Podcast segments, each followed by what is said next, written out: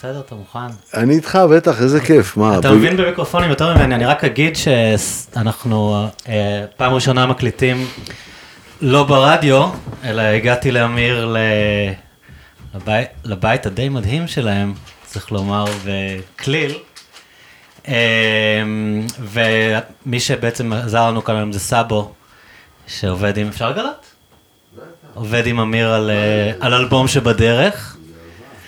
אה, אז אה, נראה לי שיהיו שם דברים טובים, והיה לנו כאן אה, איזה שהם הפתעות טכניות כשהגענו, סבו שכח איזה כבל, והיינו קצת לחוצים, ואמיר היה מאוד רגוע, למרות שסבו אמר שזה כבל נדיר, אמיר היה בטוח שהבעיה תיפתר, והיא אכן נפתרה, מקווה שמקליטים, שזה מוקלט עכשיו, אבל כן. אז אתה תמיד כזה. ברגעים של לחץ, כאילו, בטוח שדברים יסתדרו? כן. כן, הרי הלחץ הוא מתי שאתה חושב שהם לא יסתדרו. אז אתה אומר, בוא נלך על זה, רגע, זה גם יכול כן להסתדר. אני גם לא הייתי בלחץ כי אמרתי מקסימום לא יסתדר. היחידי שהיה בלחץ זה סאבו כי היה לו לא נעים, כש... שאולי זה נדפק, אבל... אה, גדול. אבל אתה היית בטוח שזה יסתדר. כן. לא, שמעתי, גם לא, כי הוא הסביר שזה כבל מאוד נדיר, שאין סיכוי שנצליח להשיג כאן, ואתה הקפצת איזה חבר אה, שהגיע לכאן והביא לנו את הכבל הזה. כן, היה לנו, גם מזל, וגם היה לו איזה פלן בי מיקסר. שגם היה לי את זה.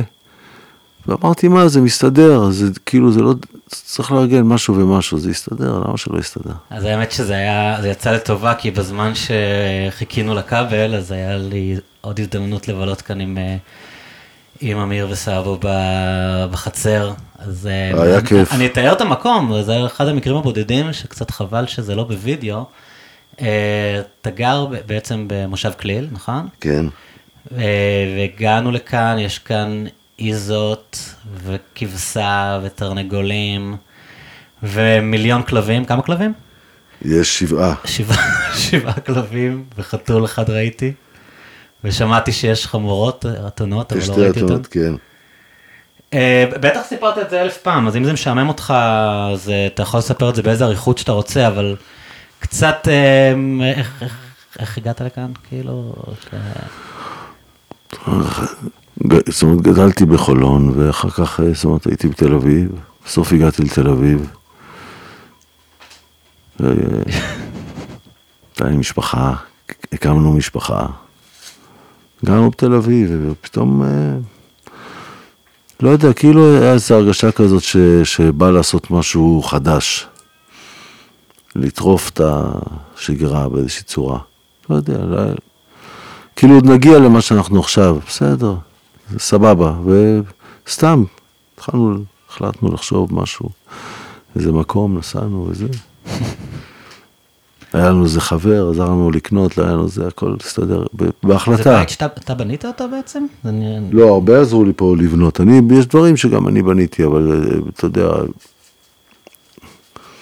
יש עניינים, יש הרבה, כן, ב, אתה בונה פה הרבה, גם אה, מאיזושהי רמה, אתה צריך, אה, חייב פה לדעת לעבוד קצת עם מכשירים, נגרות, אינסטלציה, חשמל, אתה חייב, כי כן, זה הכפר. זה יום יום, כן. וגם הטיפול בחיות, ויש כאן אה, בוסתנים ועצים ששתלתם, ופירות. ו... כן, יש פה, יש פה, יש פה עבודה. זה עבודה, כי זאת אומרת זה לוקח את שלו, אבל אתה חי. אז זה לא בדיוק עבודה, זה יותר חיים מאשר עבודה. קשה לך להגיע לעיר? אני מכיר את החוויה הזאת, נגיד אחותי שגדלה בתל אביב, היא עברה לגור בקיבוץ בגליל, והיום אה, כשהיא מגיעה לעיר היא אומרת שזה משהו כזה overwhelming בשבילה קצת ה... האינטנסיביות, אתה... כן, אני... בגדול, אתה יודע, אני אולי ניתן איזה מסגרת לזה. אה, אפשר ממש לשמוע את השינוי באלבומים שלך. כאילו האלבומים הראשונים יש בהם בטקסטים ובאווירה, אווירה מאוד אורבנית. כאילו, לא רק שסתם היית כמו כולם אמן במרכז, אה, העיר הייתה מאוד נוכחת בשירים שלך. היו אלבומים מאוד עירוניים. ואני חושב שבאלבומים האחרונים מרגישים כבר את הכפר, בנושאים ובאווירה. אתה, וואלה, אתה מתחבר מה שאני אומר באיזה? מגר- מה, אני, אני מנסה לחשוב אם גם, גם ב visuals, ה visuals הם גם כן מהכפר יותר. הטקסטים? אני לא יודע אם זה... זה אבל זה אתה טון, מרגיש את זה. יש טון מסוים, יש איזה... אמ, גם הייתי אומר אולי נינוחות מסוימת באלבומים האחרונים. יש משהו יותר שלב, לא יודע, מפויס, בתחושה שלי לפחות, כשאני מקשיב להם. האלבומים הראשונים, יש לפעמים קצת הקלסטרופוביה של העיר, את ההרגשה, אמ, הדחיסות העירונית. אני לא יודע אם אני, אולי אני סתם מקשקש. בטוח לא, ו, ומה שאתה, זאת אומרת, מה שיש לי להוסיף על מה שאמרת,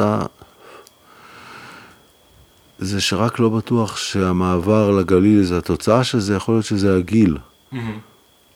זה מה שהשפיע על זה. על המפויסות והנינוחות וגם פחות אורבניות, כי אתה יודע, שואלים אותי למה אני לא נותן בראש עם הגיטרה, כמו פעם. כן.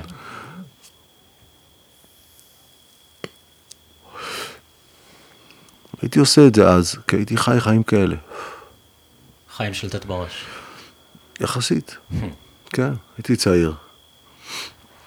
הולך פה, שם, מתגלגל, חוזר, חוטף קצת, קם, וזה כל הזמן בעניין של המוזיקה. מרץ כזה של הלהט כזה של, של הנעורים. הייתי בתדר הזה. עכשיו לא בתדר הזה. של distortion נניח. זה... אני אגיד לך עוד כן. משהו, אבל תגיד, הפרעתי לך באמצע. לא, לא, לא, לא היה לי משהו חשוב להגיד. זה לא רק זה. אני חושב, אני זוכר את ההורים שלי, שומעים כאלה שירים של, ששמעו אז.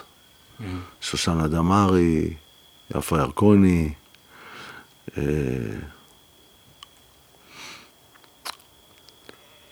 והם המשיכו לשמוע את זה.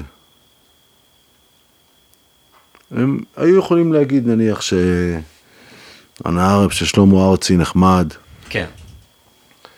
או כזה דבר. איפה להפר אגב? יש כאן. לי יש גם. אוקיי, אחלה. אז הם המשיכו כל החיים להקשיב בעצם לשירים האלה של שנות הזאת, ואני ה-40 או זוכר, 50. כן, ואז חשבתי על זה, אני זוכר. ואמרתי, יש בזה, היה, היה ב... כשהייתי ילד, ראיתי בזה משהו קצת פתטי, שכבר, אתה יודע, היה רולינג סטונס וביטלס והנדריקס, והם שומעים את זה, רק את זה, והם ממשיכים לשמוע את זה בתור עדות לתקופה שהם היו צעירים. כן. הם כאילו חווים את החוויה הזאת, אתה יודע, של הזה עוד פעם נכנסים, אבל כשהייתי ילד זה תמיד היה נראה לי פתטי, כל השירות האלה וזה. המוזיקה עצמה או זה שהם לא מתקדמים לדברים נוספים? זה שהם שומעים את המוזיקה, שהיא כאילו כבר לא, לא חלק מהתקופה? שהם כבר לא שם, כאילו. כן. זה מוז... התקופה הזאת היא נעלמה, אין את התקופה הזאת, אין פלמח, אין זה. רוב האנשים מקשיבים למוזיקה שהם הקשיבו כשהם היו בני 15, 16, 17, לא? כאילו גם אבא שלי בעיקר נהנה להקשיב לביטלס. אז אני פתאום קלטתי את עצמי שאני גם שומע שושן אדמה, לא את, ה... את, הביט, את, את הדברים של, ה... של הרוק נניח אפילו.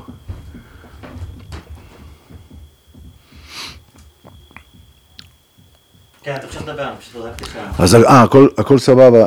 אז אני הייתי, אתה יודע, חושב על זה אותו דבר בעצם. מה הדברים שאתה היית מקשיב ב... לא? כל הזמן הייתי עובר. והיום היה לי אתה תקופות של פיקסיס, היה לי תקופות של נירוונה, היה לי תקופות של... אה, לא היה לי תקופות של ליאונרד כהן, אתה יודע, אבל אה, דווקא זה לא עברתי. כאילו, כי הרבה אנשים חשבו בגלל שאתה גם שר שקט, חשבו שאתה. מושפע מלאונרד כהן. אני. אגב אף פעם לא שמעתי שום השפעה של לאונרד כהן עליך. הוא ענק וזה, אבל אני בכלל לא... נראה לי שפשוט כן. כי אתה שר חלש ו... עם כל מדובר, אז כן. אז הדמיון של האנשים מגיע עד לאונרד כהן, אבל אני חושב שמי שמכיר לאונרד כהן ומקשיב לטקסטים, אין שום דמיון בין מה שהוא עשה למה שאתה עשית. כאילו, כן. וגדלתי, אתה יודע, גם אריק איינשטיין, וזוהר ארגוב, ושלום. אה, דברים שמאוד השפיעו עליי. ואז פתאום הקשבתי לדברים ה... לא יכול לשמוע אותם. כאילו, אני לא, לא מרגיש מחובר אליהם. כאילו אם היום אתה... הכל נשמע לי כזה- כמו אותו שיר, כבר שמעתי אותו מיליון אלף פעם. כן. אז הוא עושה עכשיו תקליט שישי, באותן אנרגיות של התקליט השלישי, כאילו, כי אתה לא יכול להיות בן 70 ולעשות את זה. וכאילו, זה, הם לא השתנו חלק מהאנשים. ואני הרגשתי שאני כן משתנה. מה אתה מקשיב היום? אני שומע מלא מוזיקה אפריקאית, מלא, הרבה מוזיקה בערבית. כן. אתה יודע, האוזן שלי על... יש דברים שהילדים אומרים לי, אבא תחבא בחייאת וזה, ואני שומע את זה. כי אני- מה, זה חופר להם כאילו? כי, כן, כי זה זר להם גם, זה, זה קשה לי, זה מקצבים שהם לא רגילים, זה אנרגיה שלו. ואני שומע גם זמרים עיראקים וזה כל מיני, מדהים, אני, אני, אף, אני נהיה קהל. וזה מה שרציתי, עוד פעם, גם ליהנות. משהו חדש שהוא לא... לשמוע משהו שירגש אותי, לא אכפת לי חדש, ישן, לא אכפת לי רוק, לא רוק. לא, חדש לאוזן שלך, אני מתכוון. חדש, משהו שחדש ללב. כן. רציתי לשאול אותך, וזה לא כל כך היה חדש לאוזן, כי הסאונד שלהם הוא כבר סאונד שאתה יכול להכיר. מההשפעות של זה על דברים אחרים? כאילו? הסאונד שלהם מאוד כבר סאונד של אה, אומנים מיינסטרים אירופאים, מבחינת הסאונד. אתה מדבר מה, על זמרים עיראקים נגיד? כן. יש שם גם מקצבים, פתאום יכול להביא איזה בוסנובה וזה, כן. אבל הוא שר הכי עיראקי שיכול להיות. ואני מתרגם כל פעם, חברים מתרג- מתרגמים לי, זה מדהים. אז אני, אני עף, עוד פעם אני נהנה ממוזיקה. במוזיקה הישראלית הייתה קצת המחלה הזאת, שכאילו מנסים להישמע כמו הדבר המקורי, כאילו לשיר מין מוזיקה בריטית או אמריקאית בעברית. הרבה פעמים אתה שומע נגיד מוזיקה ממקומות בעולם, אתה קולט שהם כן שמעו את מה שיש בעולם, הם כן מבינים, הם כן יודעים לקחת, אבל נוצר משהו מקומי, כאילו. אתה יודע, נגיד אם אתה חושב על אה, אמנים ברזילאים מסוף שנות ה-60, לא יודע מה, קיטנו ולוזו, אמנים כאלה, שהם, אתה קולט שהם הם שמעו הנדריקס, הם שמעו ביטלס, זה השפיע עליהם, אבל הם עושים מוזיקה ברזילאית שמושפעת מה, מהדברים האלה, ובישראל הייתה הרגשה מאז שנות ה-70, שכאילו פשוט מנסים לעשות מוזיקה אמריקאית בעברית הרבה פעמים, אתה, מבין מה אני מתכוון? זה, אני בטח אני מבין מה אתה מתכוון, אבל זה לא עבד. כן, תראה, כשיש שיר טוב, אז זה שיר טוב. גם אם העברת אותו דרך אה, פילטר אה, בריטיש רוק, או לא יודע מה, או אמריקאי, או בלוזי, או לא משנה, שיר טוב עם מילים ומנגינה שנכנסת לך ללב, או לנשמה באיזושהי צורה, ואתה נוסע באוטו, ואתה שוכח את העולם, אתה מתחיל לחשוב, זה משנה לך את המחשבה. כן. קודם חשבת ככה, עכשיו פתאום אתה עף על משהו. נוסע איתו, זו מחשבה אחרת, מחשבה שנוסעת, לא, לא מאמין שבשירים הטובים האלה אתה פתאום חושב על מה שאתה צריך לסדר בבית. אם השיר. מספיק טוב. אם השיר מספיק טוב, אתה... הוא מוביל אותך לאיזה מקום, במחשבה, כל אחד וזה. כן. שירים כאלה, זה, זה תמיד עובד.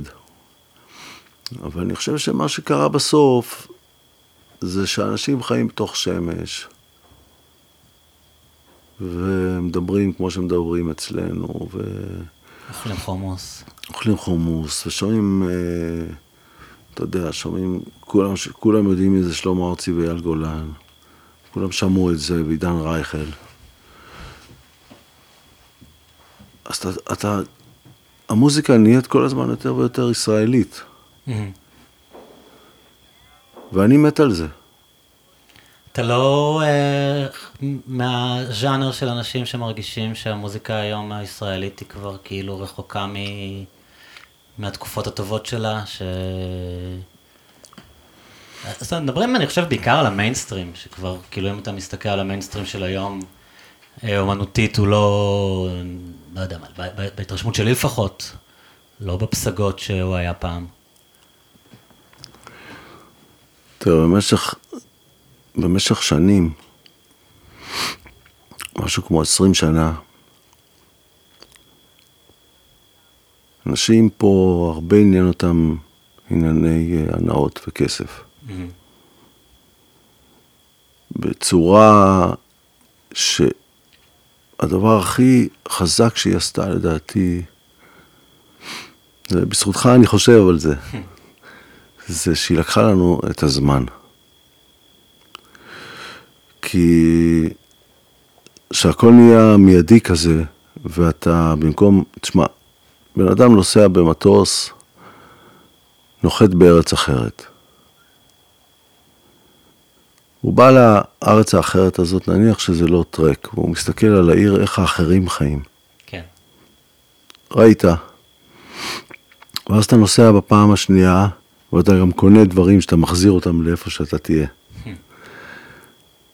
ובעצם, בטבעי, בן אדם צריך להיות בבית שלו, ומדי פעם, מהסקרנות, לצאת לראות את העולם, לעשות איזה טיול, לעבור מעיר לעיר, לראות איך אנשים חיים, ליהנות קצת מה, מהאחר הזה, ולחזור לבית שלו, זה הכי טבעי. הרגת את הטבעי הזה, הרגנו. אולי תהיה טיפה יותר ספציפי, כאילו תסביר לי מה אתה מתכוון שאתה אמר הרגנו. המרוץ הזה על, על החומרניות, הוא לקח לנו את הזמן. בכל דבר. פעם היית נכנס לסופר, גומר את העניין, היום יש לך 30 קורנפלקס, אתה מסתכל עליהם, אתה אומר, אה, מה זה, משהו חדש? אה, כן, לא, זה... אותו דבר, אתה רוצה שיהיה לך אוטו יותר טוב, אתה תדפוק שעות נוספות, אתה עובד, עובדים פה, אנשים עובדים פה שעות על גבי שעות. אתה רוצה אחרי זה לבלות, אתה נותן בראש, בכל הארץ, קוק, אלכוהול, אתה נותן בראש, אתה לא יכול להיות, אתה רוצה שנייה להרגיש לא עבד. הכל עולה כסף, הכל יקר, אין לך זמן, אתה כל הזמן רץ מדבר לדבר. ואז אתה גם מתחיל ליהנות, בגלל שההנאות החומריות האלה, הן לא מחזיקות הרבה. אתה ישר בדבר הבא. אז אתה לא שם לב ששתו לך את כל הזמן. אתה בן אדם שחי בלי זמן, אז איך אתה רוצה שתהיה מוזיקה טובה? איך אתה רוצה שהמוזיקה לא תהיה תקועה? לא שהיא לא טובה. היא תקועה, כי הכל תקוע. אבל זה, זה ברמה הנפשית? כלומר, מבחינתך זה המקום שבו אנשים נמצאים, או שזה ממש דבר פרקטי כמו האמנים לחוצים, שיהיה להם כסף כדי לחיות את הסגנון חיים הזה? אני לא, יודע, אני לא יודע על אחרים, אני לא יודע, הכל זה תקוע רוחנית. רוחנית. רוחנית, זה בדיוק, אומרים, אה, יש כזה שאלה, האם האומן הוא תבנית נוף מולדתו. אם הוא ממשיך לחיות בה, קודם כל הוא תבנית נוף מולדתו נראה לי, אני חושב, אבל לד... ככה אני מרגיש, אבל אני הכי ישראלי, אני לא, לא יכול, אני רק ישראלי, זה מה שאני, כמו שיש הולנדי, אני ישראלי. ואני חושב שזה ממש, אה, אתה יודע, זה, זה משפיע על כל הרובדים שאתה חי ככה. בלי, לאט לאט יורדת החמלה, יש פה עם כבוש, יש פה חצי מהאנשים, אתה יודע, באים מפגינים שמפגינים נגד אה, אה, ביבי. כן. תאר לך שבמקום שהם יגידו לו, לך הביתה, כשאתה אומר לך הביתה, אתה לא אומר במפורש, אני רוצה משהו אחר. אתה אומר לך הביתה.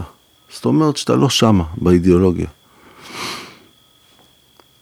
מה היית מצפה שיגידו? כאילו מה... את כל הדברים שהם רוצים לשנות. אני בעד לשנות, אבל אני לא רוצה לדבר את השפה הזאת של לך ויאללה הביתה. אנחנו רוצים שיהיה אחרת, תתנהגו אחרת, בואו נעשה את זה אחרת. גנדי, ההודי, עשה את זה אחרת. אבל אני... יכול להיות שאנשים כבר כל כך בתוך ה...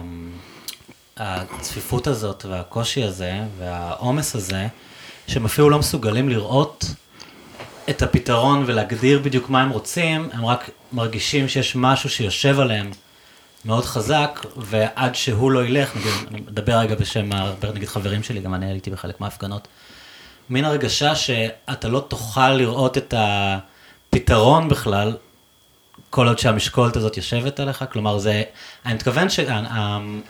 כשאתה מדבר על החוסר זמן הזה, על האינטנסיביות שאנשים חיים בה, גם המפגינים חיים באינטנסיביות הזאת, הם לא שונים, אתה יודע, משאר האנשים. כאילו, זה לא שהם האנשים המוארים שמצליחים אה, להתעלות על הדבר הזה, גם הם חיים את המציאות היומיומית האינטנסיבית הקשה הזאת אה, ומרגישים שמשהו בו לא בסדר, אבל מתוך המקום שהם נמצאים בו, הם לאו דווקא יודעים בכלל להגדיר את מה שאתה אומר, תגיד מה הם רוצים. אבל זה בדיוק מה שאני אומר. כן. אני אומר, החבר'ה שאני בעד, אתה יודע, שיהיה פה אחרת והכל, וזה שאנשים אכפת להם, והם יוצאים החוצה, זה מרגש אותי פסיכי. אני רואה את הקשרים האלה עם אנשים שאכפת להם, והם יוצאים מהבית, גם מבוגרים, גם ילדים וזה, שהם רוצים שהילדים שלהם יהיו, והם עומדים למעלה ומצפצפים להם.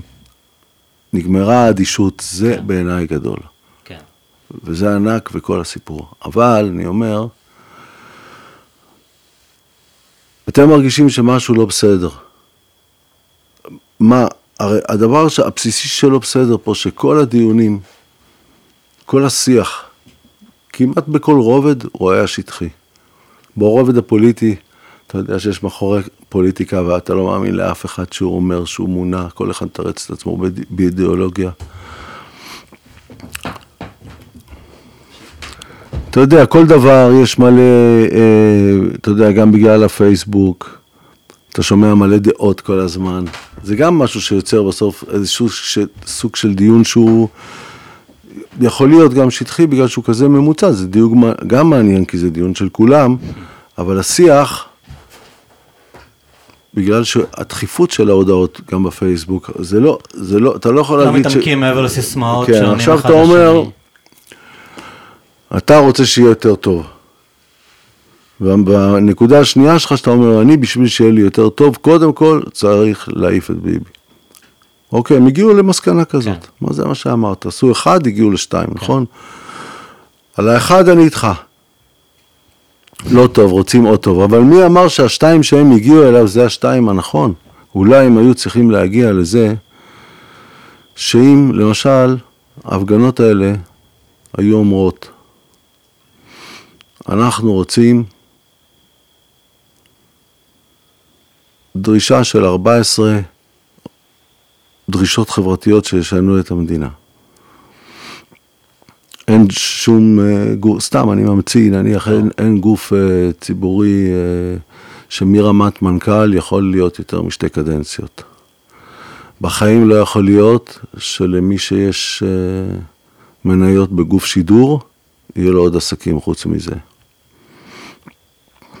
אה, העברת אה, זה לחינוך בשביל שיהיה כל ככה וזה וזה, כולם כאן דברים אה, זה. העלאת הקצבאות לנכים, סוף סוף.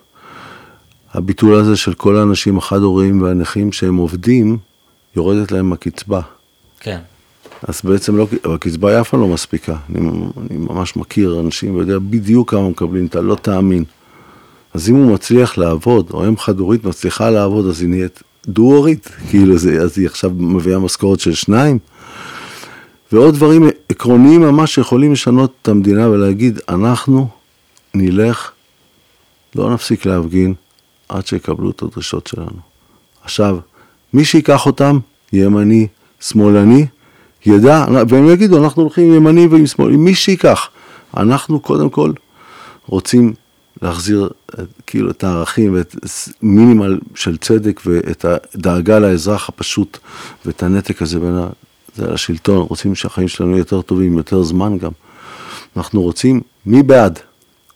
אנחנו, מי שיבוא, אנחנו, אנחנו הולכים איתו. יבוא ביבי, סתם, לא ביבי, תכף תשמע. יבוא, יבוא מישהו, גדעון סער, אני יודע מה, ישראל כץ, יבוא ויגיד, אני הולך איתכם, קואליציה? לא קואליציה, אני, אני, כל השיח של כל המפלגות יהיה מי ממלא יותר טוב את הדרישות האלה. כי יצטרפו אליהם גם מלא אנשים ממה שהם קוראים הימין. כי זה באמת מה שכולם רוצים. ה-85 אחוז מהראייה של רוב האנשים בישראל היא דומה. יש 15 אחוז, שזה הביטחוני הזה, שאנשים רואים את זה אחרת, זה ההבדל, אבל ה-85 אחוז כולם מסכימים, רוצים שיהיה חינוך, רוצים שתהיה מדינה סוציאלית, רוצים לא לעבוד כמו חמורים, לא, לא רוצים ל, ל, לשמור על כן, הזכויות של ה... ההרגשה שלי, כאילו, יש מגמה מלמעלה שלא תתעסק בדברים האלה ושלא תגיע להסכמות האלה, וספינים שמיוצרים, אה, לצורך העניין על ידי הממשלה הזאת, על ידי ביבי, כדי שלא תהיה הסכמה אה, רחבה, אז אתה יודע, מוצאים את הדברים שלגביהם יש מחלוקת, ודואגים שהשיח יהיה סביבם, כדי שאנשים לא יתאחדו ולא ידברו אחד עם השני. כאילו, בסדר, אבל אז זהו, אז אם יש כזה דבר, אז צריך לבטל את, ה, את הדבר. הרי, הרי יש כוח בעולם, וסליחה על הפתטיות, אבל אהבה, Mm, תשמע, באים אלה שמתנגדים אליהם. כן, הם לא מוכנים לסבול את ההתנהגות האלימה הזאת שלהם. ותחשוב על שני בחורים, ביביסטים, שיוצאים מהאוטו, איך שקוראים להם ביביסטים, רק שיבינו, אני לא, לא, לא מכיר את זה, לא אוהב את זה. שניים שהם בעד ביבי והם עוצרים עם האוטו שלהם ליד מפגינים, ונניח יורקים עליהם ומקללים עליהם, מקללים אותם, אוקיי. האנשים האלה, משהו במפגינים מזכיר להם משהו רע. כן, מזכיר להם משהו שמעורר אצלם אנטגוניזם. נכון. ואם אתה רוצה שיהיה פה שלום, ואם אתה רוצה שיהיה פה כל מה שאתה רוצה פה, אתה צריך שאנשים שמרגישים אנטגוניזם, כי אתה מזכיר להם משהו שעשו להם, כי יש להם ריקשי בגללם, והם שונאים את כל מה שאתה מייצג, אתה צריך שהם יהיו איתך. ואם אתה לא תשתנה, אז אתה יכול ללכת עד מחר ולצעוק ביבי, הביתה, אז מה? אז אולי תהיה איזה קונס... כי קונסטלציה. אז באמת מה שקורה זה שהם, אה, ועל זה הוא משחק, שהם, כשאתה צועק ביבי הביתה, הם מרגישים שאתה צועק נגדם גם, לא רק נגדו. הרי זה מה שהוא הזמן מנסה לעשות, אה, שיהיה זיהוי בינו לבין המצביעים שלו. לא רק זה, כש, כש, כשאומרים, כשתוקפים אותו, אז הוא בעצם אומר ל, לאנשים שהצביעו לו, הם לא תוקפים אותי, הם תוקפים אתכם. זה מה שהוא אומר גם נגיד על, על המשטרה או על הפרקליטות. כאילו, הוא, הוא, הוא הופך את עצמו לסמל של החלק הזה בעם, וכשמפגינים נגדו, הרבה פעמים אה, זה מצליח לו במובן שאנשים לוקחים את זה אישית. כאילו, איך הם מדברים אליו, איך הם, אה, אתה יודע, בעצם מדברים ככה עלינו. אה, מה, מה שנתפס הרבה פעמים, כן, נגיד, אה, התנשאות, גזענות, כל ה... באמת לשחק על כל ה... על כל הדברים העמוקים האלה, שהם, שהם מתחת לפני השטח, אני חושב. תשמע, תשמע, כן. אבל הראייה הבסיסית, שבן אדם יושב ואומר, אני לא בחרתי בביבי, Mm, ביבי זה לא אני. אני לא מתנהג ככה, אני לא עושה ככה, אני לא, אני לא, אני לא, אני לא. זה המקום הזה. זה המקום שמפריע מלזה שיש שינוי בארץ. לא ביבי, ולא אלה שתומכים בביבי. זה המקום. כשאתה בא במקום הזה, אומר, אני לא תמכתי בו וזה לא אני, זה הם, וזה הוא עם כל האורן חזנים שלו, אל תשכח. זה כמו רוקנרול. מדברים על עתיד הרוקנרול. רוקנרול תמיד היה סביב איזה 6,000, 7,000 איש. זה כל הרוקנרול. לא דימונה, לא ראשון, לא זה, לא זה. הרוב שמעו מה שכולם שומעים. עושים סיפור, רוקנרול מת. כן, נמלה. רוב פה שמעו, אתה יודע, שלמה ארצי, רייכל, אנשים שמעו אלפים, עשרות אלפים הופעות של קיסריות אחת אחרי השנייה. לא במרחה, בכוונה אייל גולן וזה, אני אומר, זה מה ש... מבחינת המערב. אותו דבר פה. אתה חושב שאתה לא הצבעת בו וזה לא אתה. ואורן חזן אתה נטפל אליו, או אל גילה גמליאל אתה נטפל אליו. שום, מה, מה קרה? עכשיו, שנייה, זה רק חלק קטן, הליכוד, יש שם מיליון 200 מצביעים שהם חברים שלנו, שהם, זה המפלגה הכי גדולה. זה, אתה לא יכול להגיד, זה לא אני, אני אגיד לך למה. כי אתה, מי שמנקה לך את החרא, העוזרת בית, אתה לא משלם לה כמה שמגיע לה. יש לך כסף והיא מנקה לך את החרא בשירותים, אתה לא משלם לה כמה מגיע לה. אתה בדיוק, אנחנו באותם זה, אתה זורק אוכל, יש אנשים שאין להם מה לאכול, אתה נוסע 80 פעם לחוץ לארץ, מה אתה, מה אתה בכלל רוצה מאורן חזן? זה בדיוק אותו דבר. אחד חזירות מנומסת, והשנייה חזירות עם אירופאית, מה ההבדל? וזה גם השיח. אתה רואה איך אנשים מאורגנים ברמת אביב, פעם אחת ראיתי מדברים על איזה מישהו שהם חשבו שהוא עקף אותם בתור. הכל מנומס, אבל מה ההבדל? הכי לא מנומס שבעולם. אה, אה, על לעקוף או איך שמדברים על זה שקף? איך שדיברו לזה שבטעות חשב, יש דבר. תור וזה אדון, מה זאת אומרת? כן. לא ראיתי, ממש לא ראיתי, אתה יודע, הייתי בשוק. כן.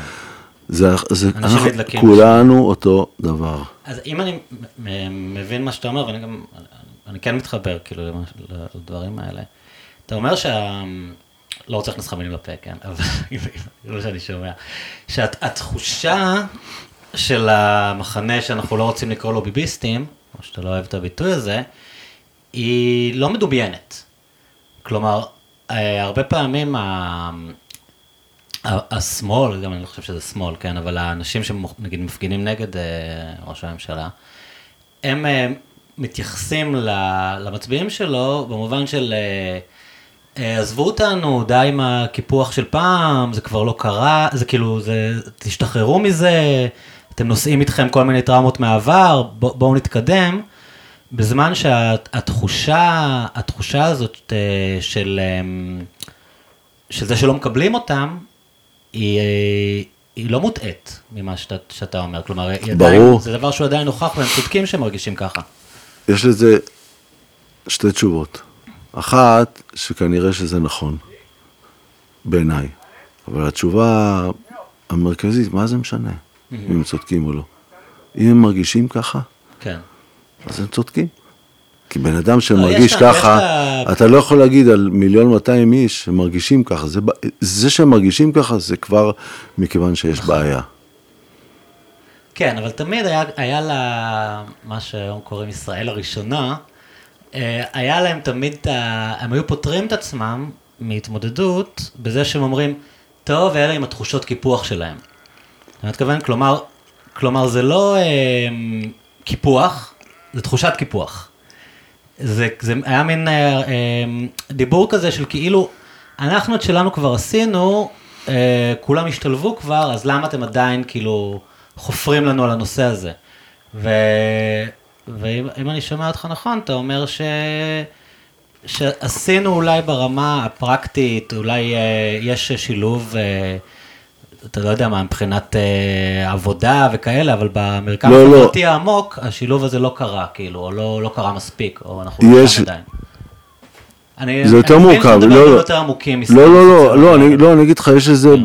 עוד, עוד, זה בדיוק מה שאתה אומר, אבל יש איזה עוד יותר מורכבות, כי יש כבר אנשים שהם בדור שני, והם לא מרגישים את הקיפוח.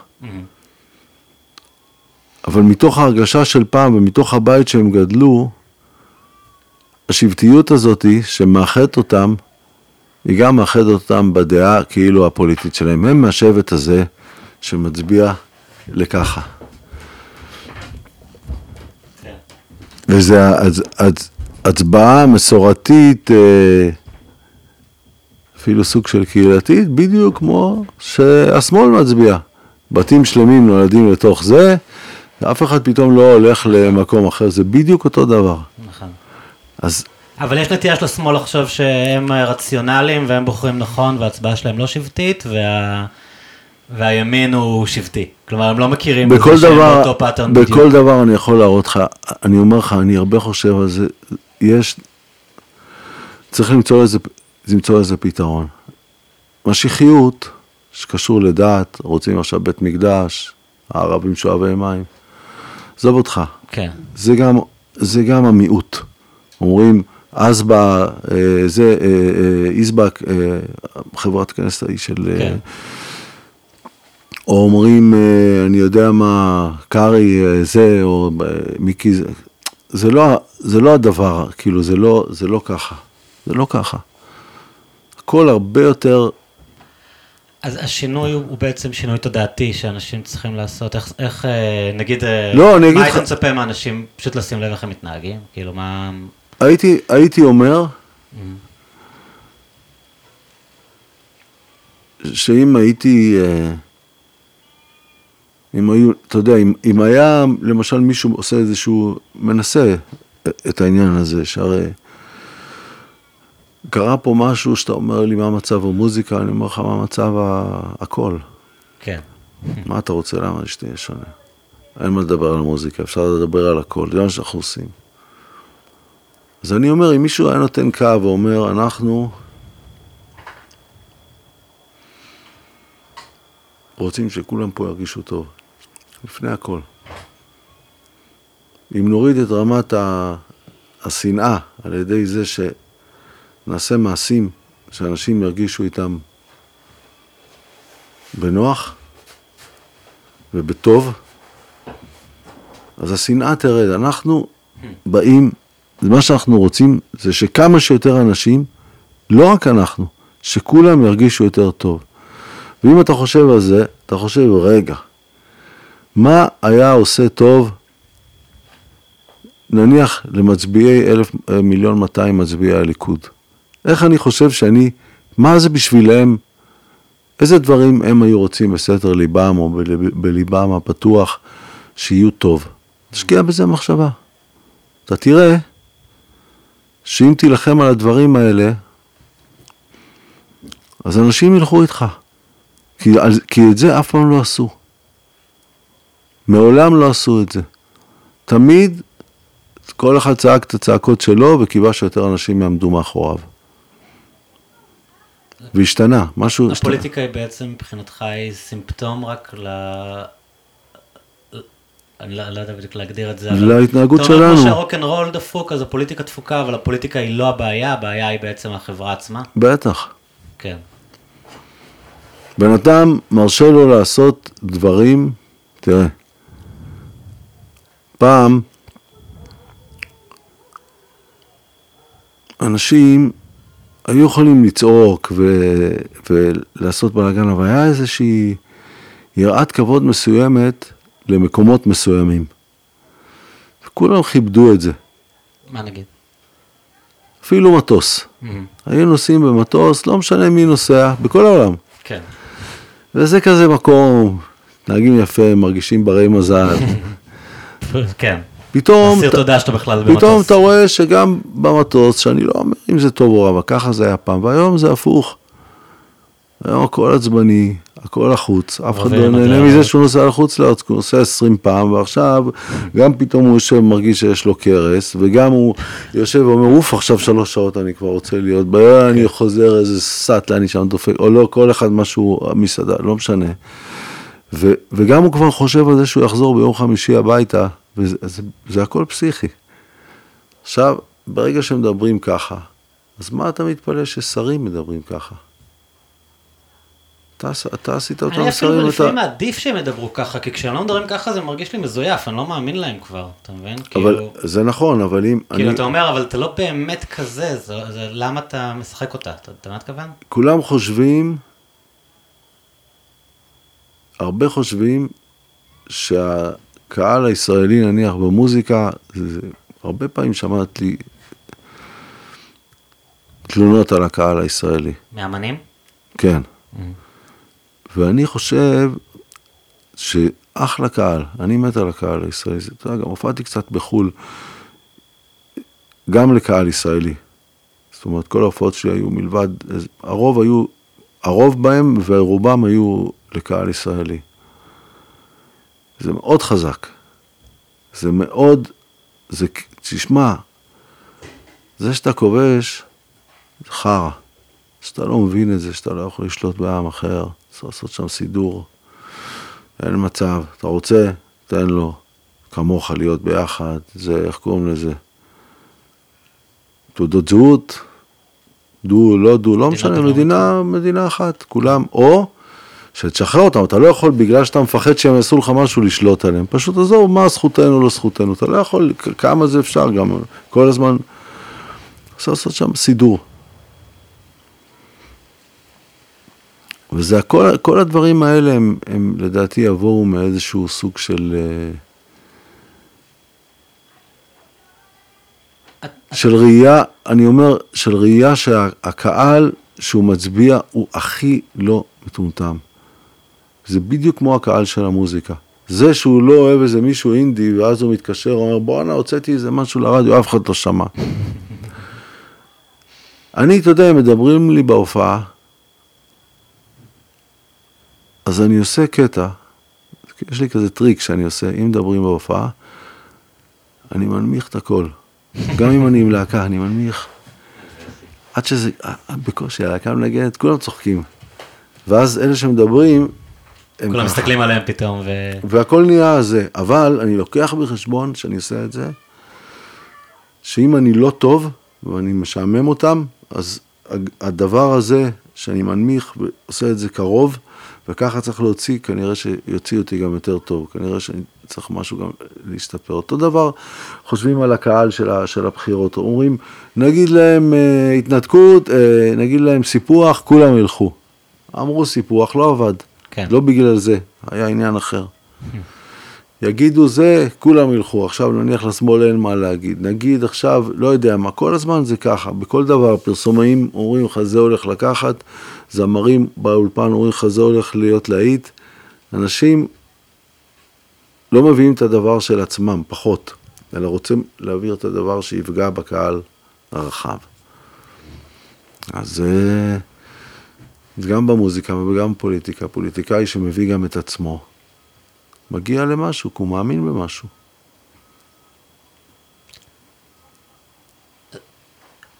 אני מנסה עכשיו, כאילו, הדברים שאתה אומר הם, הם אה, קשה מאוד, אה, וזה בסדר, אתה אמן, אתה לא אה, אמור להיות, אתה יודע, אסטרטג, אבל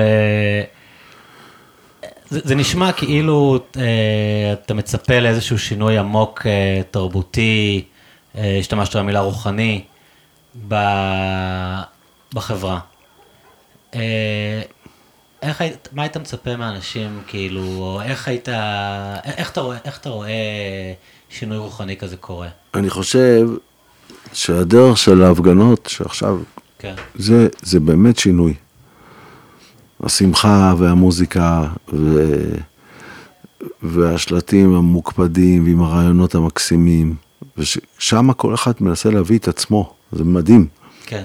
צריך לקחת את זה למקום הכללי יותר, ופחות לדבר בשפה שאתה לא רוצה שה- שהיא תדובר. פחות יאללה והביתה, זה לא ה vibe שאתה מביא, אתה רוצה vibe אחר. אתה לא רוצה להיות שאחרי ביבי תהיה במקום של יאללה הביתה, אז מה אתה אומר עכשיו יאללה הביתה? לא מדברים ככה, מה זה יאללה הביתה? מה זה, תסתלק. רוצים שיהיה אחרת. עכשיו זה תסתלק, עכשיו זה מי שיש לו שררה יכול להגיד לו יאללה לך מכאן לפני שאני גם מבטל לך את הטופס השני, אל תעצבן אותי, בכל הרמות. כן, בסוף זה תצטרך לחיות עם האנשים האלה, כן. גם תנצח אותם, כאילו, אתה- לא- הם לא הולכים לשום מקום. הכל, בכל, בכל, בכל השכבות, בכל העדות, בכל המפלגות, הכל כוחני וזה, והם הביאו vibe אחר של שמחה, של ביחד, של מוזיקה, של רוצים חופש, רוצים לחיות. רק לקחת את זה עוד צעד, אני מאמין בזה. זו התחלה מעולה. רק לא לתת לכל מיני, לא יודע מה, שליחים של ברק, אלה שיושבים במלון אסטוריה, ראיתי איזה חבורה, אז זה כן, לא אבל זה גם לתת... ספינים, אתה מבין? זה בדיוק... לא, לא, אני אומר לא כאילו, לתת- מה שהוא עושה כדי לפצל, זה גם... לא, לא, אני מתכוון להמשיך. להמשיך לא לתת כן. לזה להוביל, וזה לא מוביל, אנשים באים, לא יודעים למה, כן, לא באים, בכלל יוצאים מהבית. אז זה, לא. אז זה דבר אחד שלדעתי כן. צריך, אה, שזה יהיה כיף אם זה ימשיך ככה, כן. ו- ו- וגם לחשוב מה אנחנו על השיח הזה. פתאום הלוואי שאנשים היו חושבים, אנחנו בעצם רוצים אחרת, בואו נתנהג כבר, בואו נעשה הכל בשביל אחרת. ובואו נבוא ונגיד לו, למישהו שכועס לך, אחי, בסך הכל אנחנו חושבים אחרת, אתה לא צריך לכעוס עליי, יש לי בן כמוך. האמת שזה דברים שראיתי בעיניים שלי. אני ראיתי... אז זה צריך אה, לקרות, זה גדול. אני בבלפור ראיתי אה, חרדי שבא כזה סוג של, לא יודע, לא, לא ממש לריב, לא ב vibe אלים, אבל בא להתווכח או לראות מה יש, ו, והשיחה הייתה מאוד בטונים שאתה מתאר, כלומר, הרבה מהם כן מפנימים את העניין הזה של... אה, של אהבה. תרבות ואהבה, כן, המילה אהבה אני חושב היא נכונה, כלומר, יש בהפגנות מלא, האנשים שבאים ומנסים לדבר. אני לא זוכר מאז שאני בארץ כל כך הרבה כמות של, של איזה רצון לחופש ואהבה כמו בהפגנות על זה, משהו שלא היה בחיים, גם לא במחאה החברתית, זה לא היה כזה. זה כזה, זה מדהים, זה, אם זה ייקחו את זה רק לצד של באמת להגיד מה רוצים ולהביא את זה לאיזה מקום. ולנסות לחבר כמה שיותר אנשים על המכנה המשותף הזה, כי להגיד בוא שים אותה בצד את הריבונות, אני אשים בצד את המדינה הפלסטינאית, זה במילא מחכה שנים, במילא אפשר לסחוב את זה עוד גם כמה שנים, אבל זה לא יכול להיפתר עד שפה זה לא ייפתר. כי אם יהיה פה להיפתר, אז רוב, זה יהיה רוב של אנשים שברוב הדברים יודעים שהם חושבים ביחד. אפשר לדבר, אני רק בודק את המחשב, אתה משהו בסדר. בקיצור, אני אופטימי. לשאול אותך קצת אה, ברמה יותר אישית, אני קראתי איפשהו שהיה תקופות שאתה היית אה, מסתובב קצת בגדה, שהכרת... אה, כן, הייתי שכ- פעמים. מה? הייתי, יצא לי כמה פעמים לנסוע. שהיה... אה, היה לי תקופות. כן, נכון. אה, שכחתי, חשבתי על התקופות המאוחרות. כן, הייתי, היה לי חברים, ו... מה אתה זוכר, כאילו, מה... כן, אני רואה שהנושא הזה הוא כן כאילו במודעות שלך, הרבה אנשים אה, בארץ, הם שוכחים, כאילו כבר, זאת אומרת, את- אתה, אצלך זה מגיע די מהר להתייחס לזה שיש כיבוש. להרבה אנשים נוח, אתה יודע, בכלל אה, לשים את זה בצד, את הנושא הזה, ולדבר לא, על לא. אה, שחיתות, לדבר על לא יודע מה. לא יודע. תשמע, באופן טבעי, קודם כל, אתה מסתכל על האנשים שהכי סובלים. וברור שאתה יודע, אני מסתכל על אנשים שחיים בעוטף עזה, הילדים שלהם עושים פיפי במיטה, אתה יודע, וזה כל כך נורא לחיות ככה, עם הפגזות ועם פחד, ובעיות פסיכולוגיות לכל החיים, ושדות שנשרפים, וזה חיים נוראים. זה, זה גם פסיכי, שכל המדינה לא מתגייסת לפתור את הבעיה, ויש לה פתרון כנראה מדיני ולא פתרון צבאי כעובדה. עובדה, 30 שנה זה קורה ושום דבר לא עוזר, והאנשים האלה, והם חיים, הם שכבה תפוקה. כמו, כמו, כמו בכיבוי, אותו דבר, זה משהו נורא. זה שהם יכולים עדיין לדבר ולצאת ולבוא לתל אביב לדודה שלהם, אבל אתה יודע, הילד שלהם בן 17, משתין במיטה, אבל אתה יודע, עזוב, זה נורא, זה פחד, אתה כל הזמן בפחד, אתה בחרדה.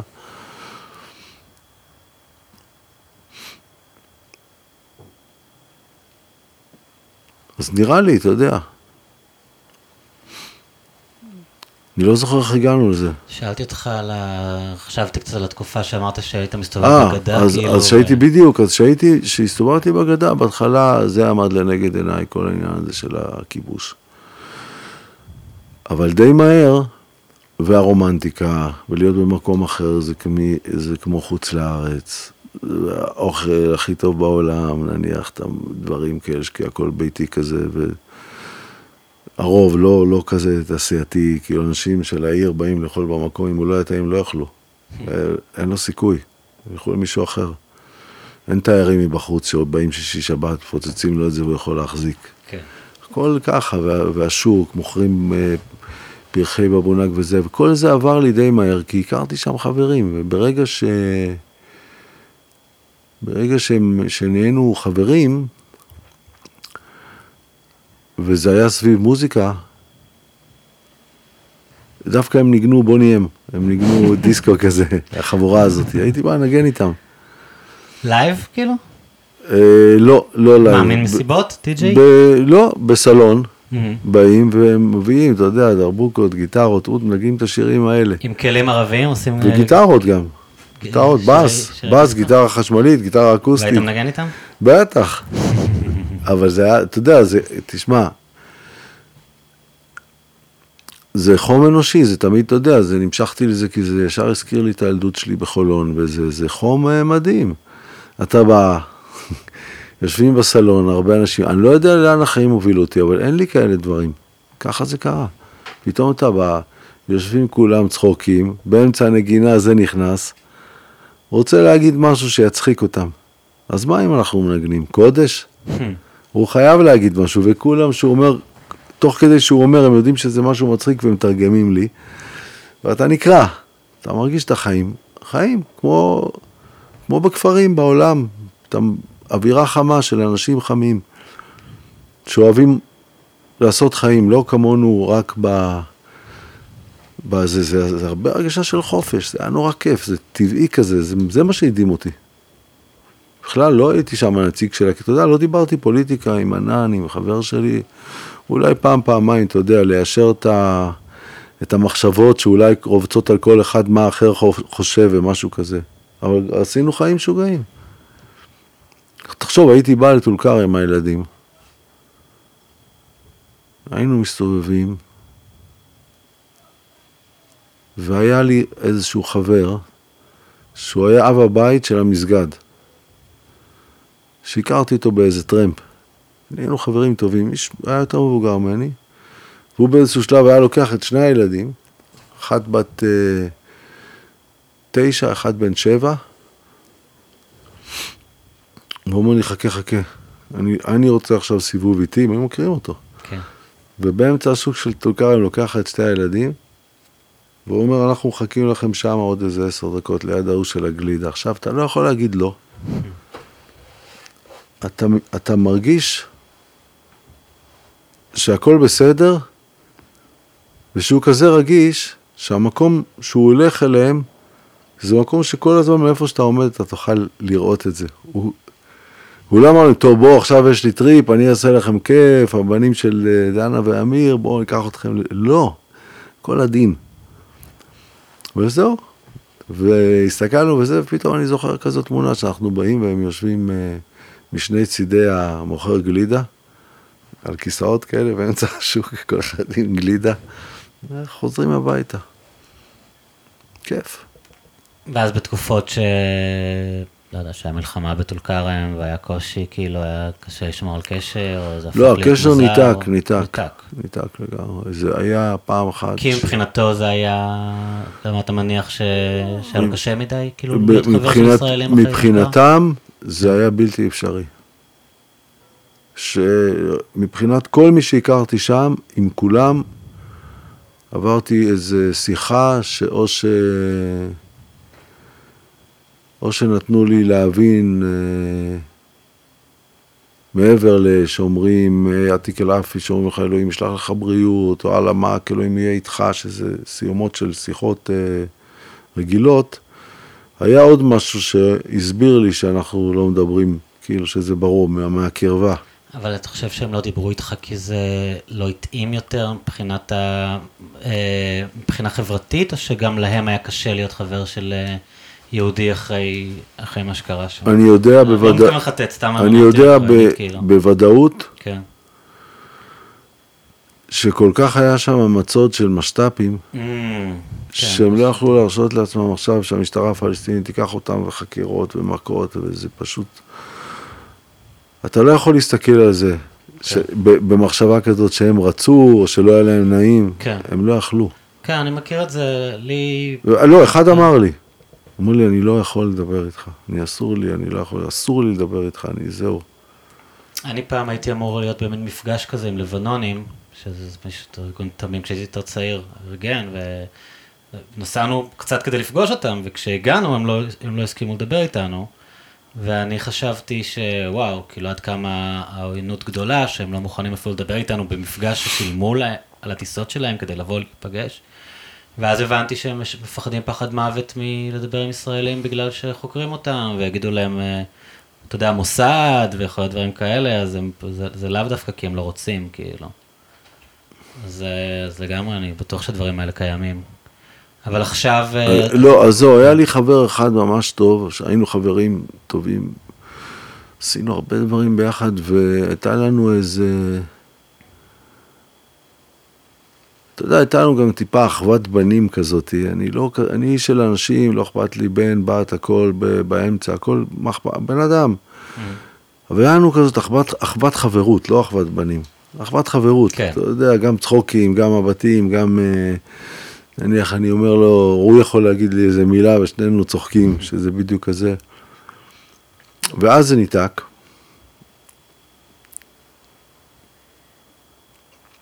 וזה ניתק ב, בשיחה כזאת שאי אפשר יותר, אני לא יכול יותר. ולפני כמה שנים ניסיתי דרך מישהו של מישהו שהכרתי, שהיה לי שהסכים לענות לי, להגיע אליו. וסיפרו לי ש... שהוא חזר בתשובה, Mm. ואחרי שהוא חזר בתשובה, הוא פתאום החליט ללמוד, והוא נהיה דתי אבל משכיל, לא דתי אה, שעובד בדת ו- ובכלל, הוא בן אדם מאמין, והוא נהיה מרצה באוניברסיטת אל-אזהר בקהיר. אה, זה כאילו, כן. זה כמו בהרווארד. כן. זה כאילו, אתה יודע. אני חושב שעל מיתולוגיה יוונית. nice. כן? איש מה זה. וכתבתי על זה איזה שיר עכשיו, עוד לא סגור, אבל אני באלבום, יש על זה שיר, שבאיזשהו שלב אמרתי, מעניין אם, ה... אם הכל היה נשאר ככה, אם היינו ממשיכים להיות חברים. כי השנים עשו כל מיני דברים לחברויות, אצל כולם. כן, יש אתה כאלה ש- לפעמים אנשים שאין שום מורכבות פוליטית, סתם ה... כן, אז אמרתי, 10-20 מה, מעניין. אם היינו נשארים או לא. כן. ואז הבנתי שזה גם, שאני חייב לקחת בחשבון את העולם החדש שבו אנחנו ניצור קשר. זה מה שכל אחד מאיתנו עבר, זה זה שלא בטוח שאם היינו נשארים גם ככה, כן. וגם היום כולנו במקום חדש לגמרי, ובעצם חשוב בשיר פחות מה קרה לשנינו, אלא לאיזה עולם התגלגלנו. ועכשיו מצאתי את הדבר הזה, פחות או יותר איך, איך להגיד את זה. אז השיר הולך מכאילו סיפור עליו ועליי, דרך השאלה הזאת אם היינו נשארים, ואז הוא רק מתאר איפה, איפה אנחנו היינו נפגשים, איפה אנחנו בעצם, אם ניפגש, איפה זה, איך זה עכשיו. וזה... סורי להרוס את הרומנטיקה, אבל נגיד להציע לו חברות בפייסבוק או משהו כזה, ניסית? כאילו היום נורא קל אה, יותר קל ליצור היום קשר וכל מיני אמצעים טכנולוגיים. בדיוק על זה השיר. אה, אוקיי. לא, לא רוצה לעשות ספוילרים לשיר. לא, גמרת על השיר, אחי. אוקיי, סליחה. אבל לא, ביי, אני אמחק את זה. לא, מה פתאום, זה מקסים. אתה חד מאוד, זה כל כך יפה. בדיוק, זה החלק השני של אוקיי. השיר, על זה הוא עוסק. אוקיי. תחשוב, כל פעם שאני קם, בגלל שסבא הולך, אני פשוט בודק שהמחשב בסדר. לא, לגמרי. אל תילחץ, כאילו. לא, זהו, אני כן. אני מזמן לא דיברתי כל כך הרבה. זה רק, התחלנו, אני חושב, סתם, אנחנו... נגיד שסאבו אה, הלך עם אה, ידידה שלו אה, לתרשיחא, אה, תרשיחא. ל- לבדוק אם יש במקרה איזה בר פתוח והשאיר אותנו כאן, ואני מאוד לא טוב בדברים טכניים, אז אני כל הזמן רבע בחרדה שמשהו לא מקליט, אז בגלל זה נראה טוב. לפעמים אמיר לא מקבל את כל 100% התשומת לב שלי, אני מקווה שאני מתקרב ל... לאזורים של המאה, אבל אם אני משמיט כמה, אז אני אה, מתנצל. אתה היית מטייל הרבה בלי קשר, נכון? היה לזה, זה בכלל הדמות ש... שעולה כאילו, אני, אני, לא- עוד פעם, אני לא יודע אם זה תחושה כללית. אני או אוהב להסתובב. זה קצת הרפתקן כזה. אמ, הדמות שעולה, הפרסונה. ככה זה יוצא, אני פשוט, אני אוהב את החיים, אני אוהב אנשים, אני סקרן, אני אוהב רגעים טובים. עם אנשים זה עושה לי הרבה כיף. אז זה מגלגל אותך. עניין אותי לשאול אותך, אה, אתה בערך, אה, אחת הדוגמאות היחידות שאני יכול לחשוב עליהן בימי חיי, מאז שאני מקשיב למוזיקה, שפגשתי זמר, פעם ראשונה ששמעתי, שאתה פתאום רואה בן אדם מבוגר פעם ראשונה. כלומר, אתה היית גילאי ה-30 המוקדמות שלך כשפרצת, נכון? כן. אמ, וזה לא רגיל, כלומר, אתה- אתה אתה מדבר, בדרך כלל, הדרך הרגילה, המאמנים פורצים אה, בגיל, לא יודע מה, 22, 23, 25, או... אמ, ואז לראות פתאום בן אדם, להתחיל כבן אדם מגובש, לא כאיזה מישהו שגדל לך מול העיניים, כמו כל מיני מוזיקאים אחרים שאנחנו מכירים, שבהתחלה הוא, לא יודע מה, ילד ששר הלב שבור, ולאט לאט... אתה יודע, בהתחלה הוא שר שירים שאתה מצפה מילד בן 19 לשיר, ואז לאט לאט הוא הופך להיות אה, בן אדם ב... תח- יודע, בעין הציבורית, מה שנקרא. אתה הגעת כבן אדם אה, מוכן כבר, כלומר, זה היה, אני חושב, לא, מוכן זה לא הגדרה טובה, אדם בוגר מה, מהפריצה שלך. תמיד עניין אותי, גם אז שראיתי אותך, כאילו, אה, מה, מה עבר עליך עד אז, אתה מבין? כאילו, אנחנו לא כך, אנחנו רגילים מאמנים אה, לדעת, כאילו, לגדול איתם ביחד. אה, אני חושב שעוד נגיד, סתם, אגב, אמרת, דיברנו מקודם על זה שאתה לא דומה ללאונרד כהן, אה, משהו שכן דומה, גם הוא התחיל, אה, פרץ בגיל, אה, אני חושב, 34, וגם אצלו הרבה פעמים אה, מעריצים וכאלה, יש סקרנות מאוד גדולה לחיים שלו לפני שהוא היה זמר מוכר. אה, אז סתם חשבתי קצת אם, אם בא לך, איך, איך אתה זוכר את השנים האלה ש... עד, עד הפריצה. כמובן, אתה יודע, אם יש לך... תראה, אני, אני לא היה לי, לא היה לי באמת עניין בפריצה. הביאו לי איזה גיטרה, חבר שלי הביא לי גיטרה בגיל 16, כי מאוד רציתי לנגן, לימד אותי כמה אקורדים, ומאז הייתי מנגן שעות, בחיים לא הייתי אצל מורה. ותוך כמה שנים התחלתי לכתוב שירים. אז החיים שלי, אחרי הצבא וזה, נסעתי פה, נסעתי שם, אבל כל הזמן הייתי בעניין הזה של המוזיקה. וכל הזמן שעות התחלתי לכתוב שירים. היה לי פעם שירים שהסתובבו על איזה קלטת בהודו, של סטלנים כזה, שירי סטלנים, הייתי מאוד צעיר, אני חושב שהייתי בן, בן 20, והיו אנשים שהיו כבר מכירים אותי מהשירי סטלנים. זה קרה לחבר שלי גם, שבדרום אמריקה. כי זה, צריך להגיד, זה- זו תקופה שלא היה אה, ספוטיפיי בטלפון למי שטייל. זה גדול. והיו מעבירים, אני חבר שלי גם, היה שיר שהוא הקליט בארץ, והוא טייל בדרום אמריקה, וזה פשוט התחיל להעתיק לאנשים במיני דיסק, וכל מיני אנשים שהוא לא מכיר. שמעו את זה. בדרום אמריקה ושמעו את השיר של, את השירים שלה, אז אתה אומר זה... אז היה- חוץ, וחוץ מזה. עבדתי בכל העבודות האפשריות, אתה יודע, כן. שאפשרו לי להתפרנס, הייתי, הייתי נהג של אביס, מוביל מכוניות, נוסע, מחזיר מכוניות, וזה, עבדתי בלבוי במלון באיזה שנתיים, איזה מלון. במוריה, זה היום שרתון כן. בירושלים. אה, לא במוריה, בשרתון, בירושלים? ביר- שרתון בירושלים.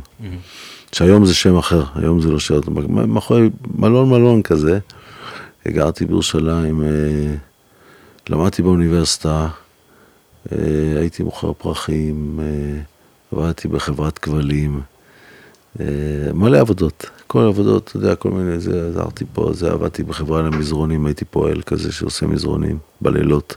אני חושב שזה חלק, אולי לא רוצה להביך אותך, אבל זה קצת חלק מהקסם שהיה לך כש... אתה אומר פריצה זה אולי לא מילה טובה, אבל כשנהיית מוכר, אה, זה הרגשה שזה לא, בלי להעליב אף אחד אחר, כן? אבל לא עוד איזה ילד כזה תל אביבי מפונק אה, בברנג'ה שבגיל 20, אה, אתה יודע, הכיר את האנשים הנכונים והשיג חוזה, אלא מישהו שהוא כזה בן אדם אמיתי, אתה יודע, ש- שעבד באמת. ש... למרות שכמובן זה ישראל, והרבה מהם צריך להגיד כן עבדו, והיו מלצרים, והיו כן, מלכים, אבל, אבל התשוקה שלי למוזיקה הייתה כל כך אה, אה, גדולה. אתה יודע, הדבר הזה ש... שאתה מגלה, שאתה מתנשק פעם ראשונה, ש... לא פעם, כל החיים שאתה מתנשק, אתה שוכח את החיים, אתה מת. אתה רוצה לחיות כל הזמן, ופתאום יש לך מוות של איזה כמה שניות, אתה מת על, על המוות הזה, אתה לא חי, אתה רק מרגיש. כן. הכי, אולי אתה הכי חי בעצם, כי אתה מרגיש, אתה רק מרגיש, בלי לחשוב. אותו דבר מוזיקה עושה לך. שאתה לפעמים כותב ומנגן, ויש איזו התרגשות כזאת שהיא מעבר, אתה לא חושב על כלום, אתה כולך מתרגש, ומסתכלים אחרי זה, אפילו אם ניגנת חרא, פשוט הרגשת את זה, מתחבקים, אתה לא, זה חזק מאוד, זה מרגש מאוד מוזיקה, זה מעיף אותך, אתה עושה פתאום איזה מנגינה, שומע גם מנגינה אחרת ונהיה עצוב וזה. אז הייתי בזה, לא הייתי בבניית קריירה, לא היה לי חלומות אף פעם, בחיים לא היה לי חלומות, רק עשיתי עם המוזיקה, גדל, בטח שאתה מבסוט, כיף להצליח וזה, אבל תמיד הייתי רק בעניין הזה. זה, זה איזשהו שחרור, לא? הידיעה שאתה עושה את זה no matter what, בלי קשר לאם זה יצליח או לא. כאילו, כן. אנשים, זה לא היה לך תלות בהרבה אמנים מתארים כל מיני משברים כאלה, כמו, אתה יודע, היה אלבום מצליח, מה יקרה אם האלבום הבא לא יצליח? אם אתה יודע שאתה עושה את זה, לא משנה מה, בין אם יקשיבו ובין אם לא, אז בטח הם...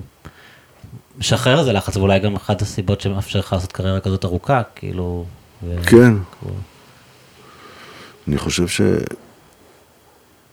כן, שזו הסיבה היחידה למה שנקרא קריירה, לסוג הזה, שאני נשאר בעבודה הזאת, כי זה, זה פשוט דרך חיים שלי. ואני מתכ... מתכוון באיזשהו שלב להפסיק להופיע. Mm. למה?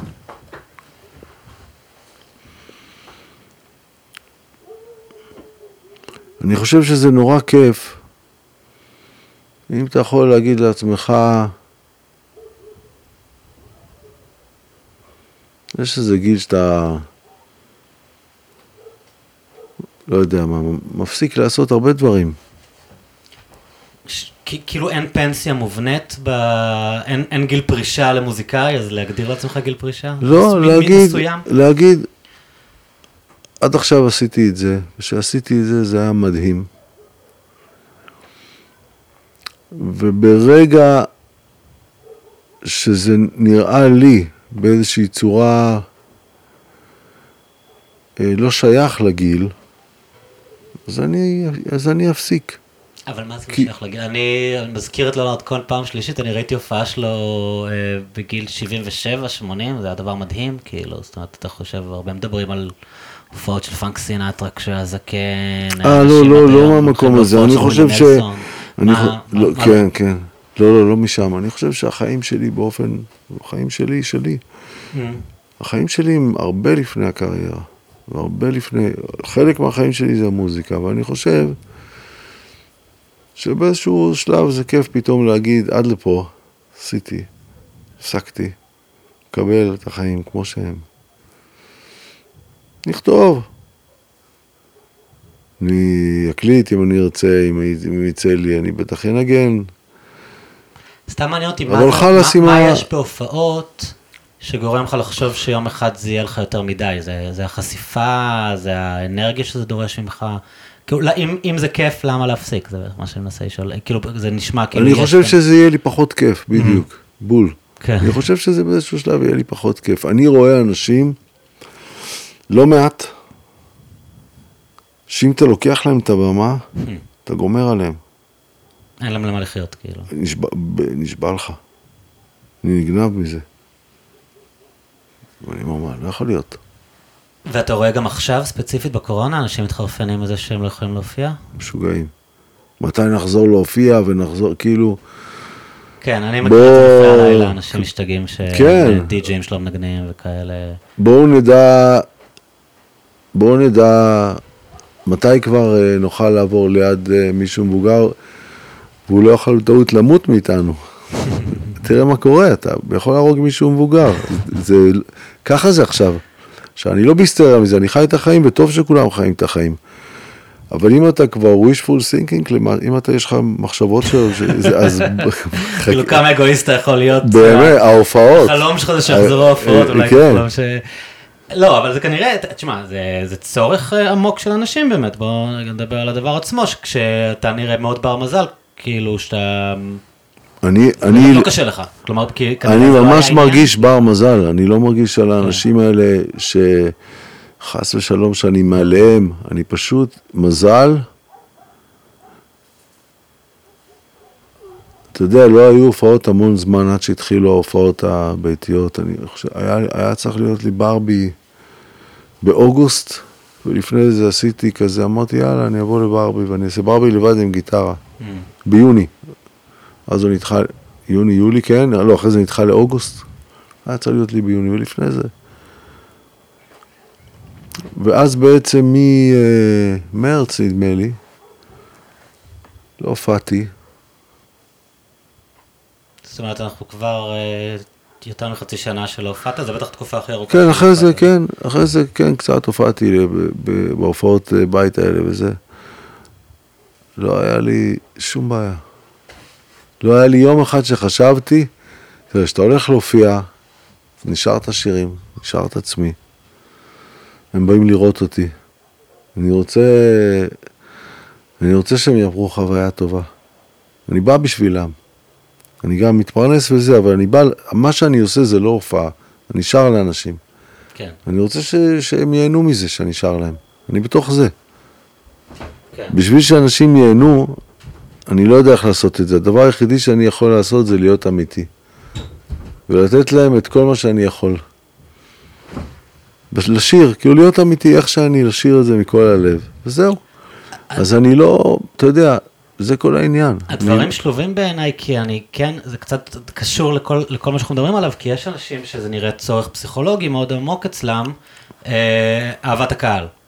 זה משהו ש, שנראה שבאמת אותך לא עניין, ו...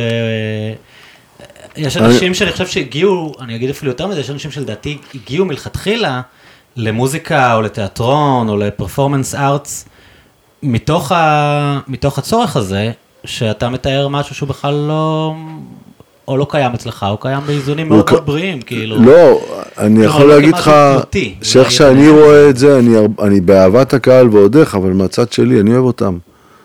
זה אנשים. אהבת הקהל זה, זה הגדרה טריקית. כי אתה אוהב את התכוונת- הקהל, אתה אוהב אנשים, אני רואה אותך, אתה, אתה אוהב אדם, אבל כן. אין לך צורך פסיכולוגי. לא, לא, אני אומר אהבת. הקהל, בדרך כלל היא מדובר, אהבת הקהל לזה ששר. כן. זה הבנתי, אמרתי, אצלי זה הפוך. אוקיי, אה, זה. הרבה יותר יש לי עניין, האהבה שלך אל הקהל. ממש, ושיהיה. אתה יודע, בלי להתחסד, אבל זה, הם העניין, לא אני כן, העניין. כן, כן, כן. כולם חושבים אני העניין, אבל הם העניין, הם, אתה, הם באו בשבילך, שילמו כסף, בייביסיטר, ואתה הכל. מרגיש כשזמרים הם לא ככה? כשאתה רואה הופעה ואתה... אנחנו לא, לא נגיד שמות של אף אחד, אז אפשר לדבר חופשי. שמע, כאילו, אתה- זה אתה כל כך- אומר, הבן אדם הזה הוא... מה שיש לך איזה בח- משהו נרקיסיסטי כזה שאני לא... כן, אבל, כל, אתה, אתה, אבל אתה יכול בדיוק להרגיש אותו דבר במשהו אה, אה, נרקיסיסטי, שאתה אה, בא לאיזה מנהל, מהמם. מנכ"ל של חברה. או- אפילו, כן, והוא הוא קודם כל רוצה להבהיר לך עם מי אתה מדבר. דם מי עומד מולך. כן. עד שהוא לא גומר את זה, כן. בכל דרך. יש כאן מעמדות, כאילו. כן. ואני ככה ואני ככה, מה שהוא רוצה להראות, איזה ספורט הוא עושה, איזה מחזור יש לו, למי הוא תרם, מי חבר שלו. למי הוא תרם ש- זה טוב. עד, עד, עד שכל אחד בכל, זה אותו דבר. כן. זה בא מחוסר, זה בא מ, מחור שחור, מרצון שיאהבו אותך. אני, זה, אני בא לי לחבק אותם. אתה יודע, מי שיש לו כזאת צרה, אז הוא צריך חיבוק. זה, אני מבין את זה. זה בגלל, אתה חושב שזה קשור, אה, לא רוצה כאן אה, שיחה פסיכולוגית מדי של אה, קובי מידן, אבל זה קשור לזה שיש לך חיי משפחה יציבים, אתה חושב? כלומר, בטח. כן. וכשהיית רווק זה היה שונה? אתה אתם כבר הרבה שנים ביחד, נכון? אנחנו, בגלל זה מה שאני כן. חושב. בטח. זה היה שונה. זה היה שונה, לא בזה, ב- בזה שאני אוהב אנשים ו, ואני בא בשביל הקהל, זה לא השתנה. אבל זה שטיפה היה לי עניין באיך אני נשמע ונראה, מה יחשבו? מה, מה יחשבו, אז זה היה לי, מה יחשבו כן היה לי. אה, זה הלחיץ אותי או משהו כזה, זה זה.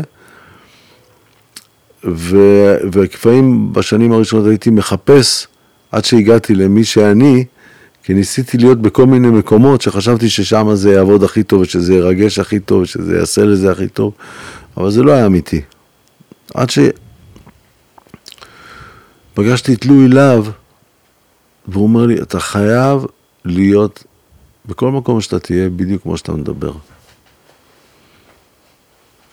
אמר לי, הפקתי לך ארבע אלבומים. עכשיו. אמרתי לו, כן, הפקת לי את החיים, מה זה? זה, מעניין שאתה אומר את זה על לואי להב, כי הוא מין בן אדם, אני לא, לא מכיר אותו, אה, אבל הרבה פעמים דווקא היה לו מוניטין, אולי כשהיה יותר צעיר, כמישהו שכופה על אמנים איזה vision שלו. אה, הרבה אנשים מדברים על אה, אלבומים שהוא עשה לשלום או לגידי גוב, שכאילו, אנשים מבקרים נגיד את דרך ארץ של גידי גוב, ש, ש, שהוא לא נתן לו להיות גידי גוב, שהוא אמר לו מה להיות, או לא יודע אם זה נכון גם לגבי חתונה לבנה, אבל דווקא, אה, כאילו הדימוי שלו כמפיק מוזיקלי היה של בן אדם ש... עם ה vision שלו, לאו דווקא מי שכאילו אה, נותן לאמן לואי, את החופש תשמע. היצירתי. לואי מחפש באופן אינטואיטיבי מהמם. את המקום הכי חזק של האומן. ובמקרה שלי, הוא חשב כנראה שהמקום הכי חזק שלי זה מי שאני. כן. אבל אני לקחתי את זה למקום שהוא אמר. זה שהוא חשב, אתה מבין? אבל אתה זוכר את הרגע הזה שמצאת, כי באמת יותר מ... אני זוכר את השיחת אה, טלפון שהוא אמר לי את זה, הוא היה ב-LA, הייתי ברחוב מה זה.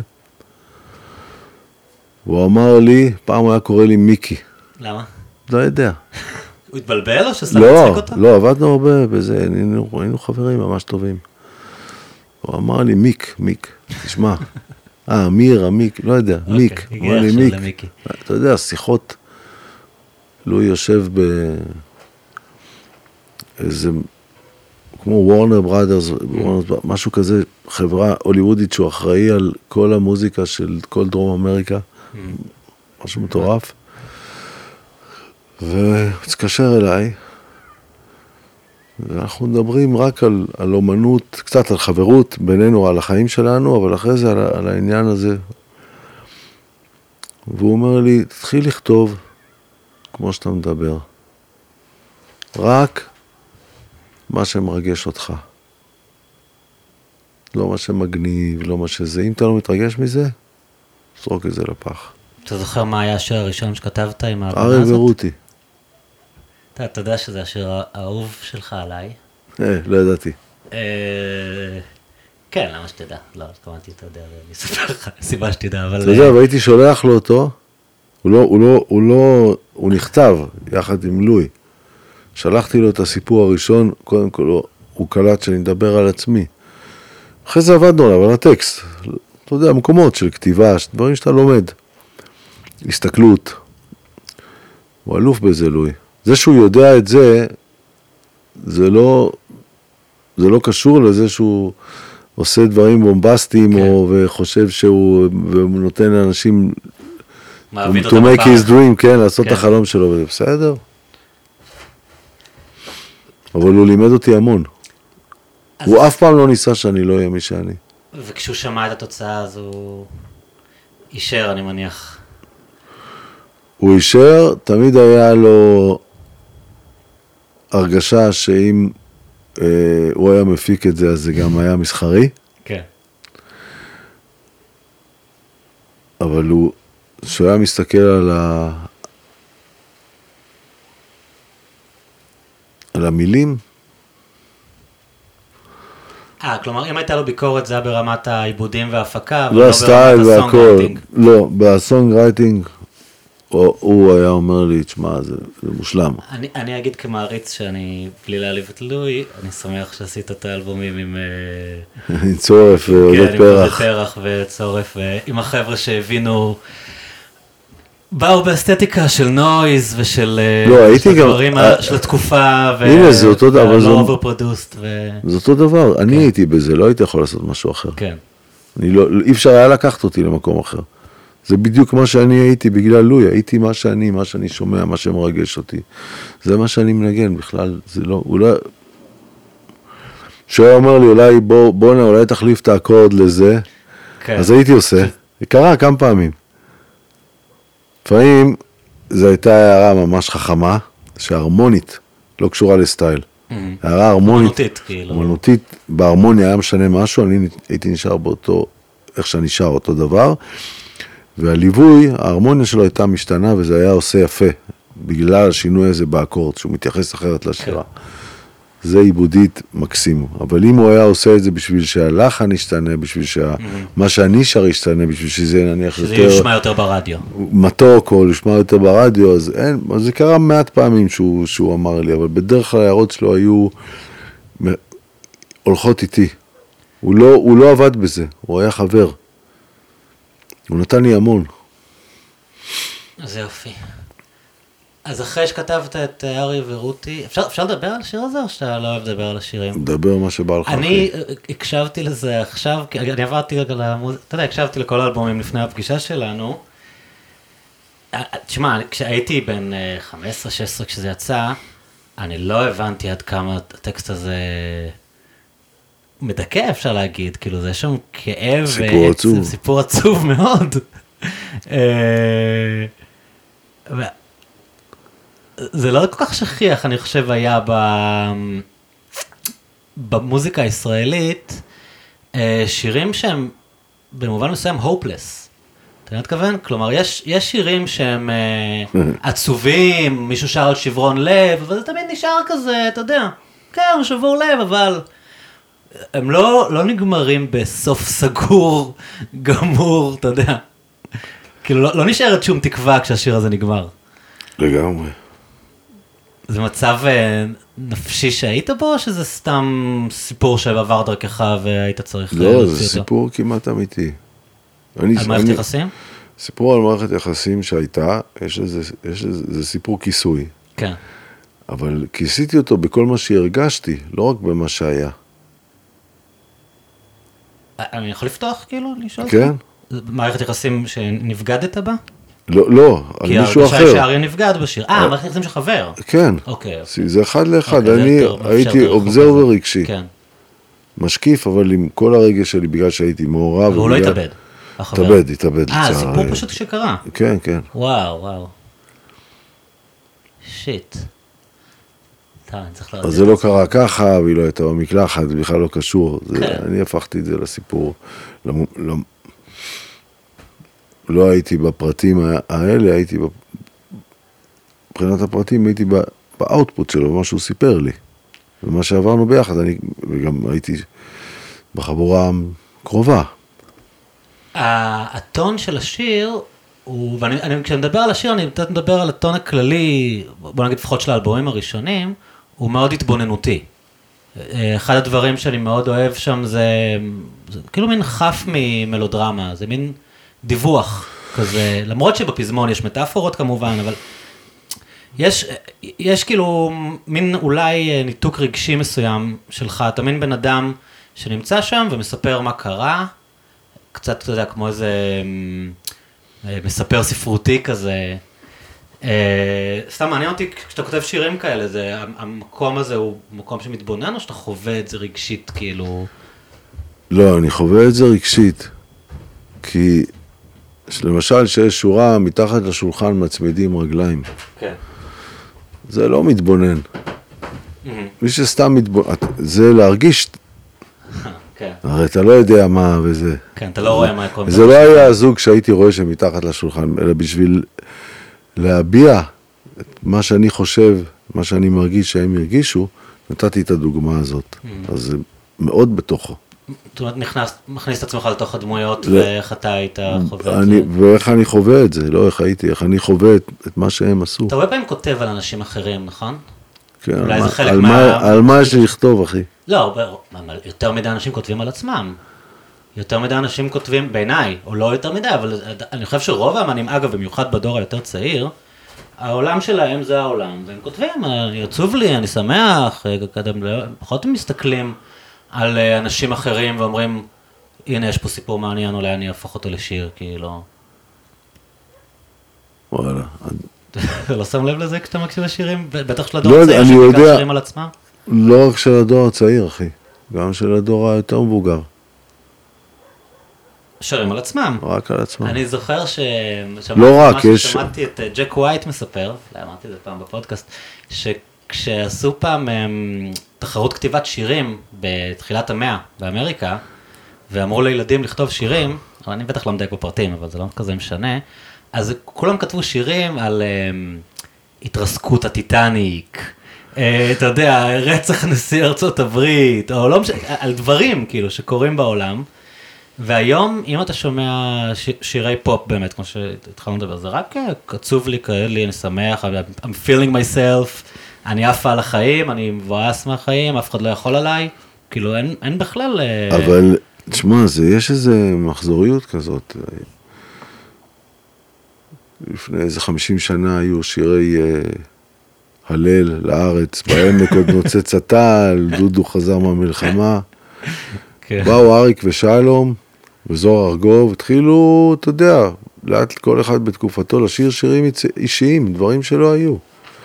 במזרחי, הכל היה קשור קצת לדת, קצת לזה, לא זה, מאוד כללי, פתאום זוהר ארגוב בא, כן. בדד, שירים, אתה יודע, כל אחד בזה, ואריק ושלום בכלל.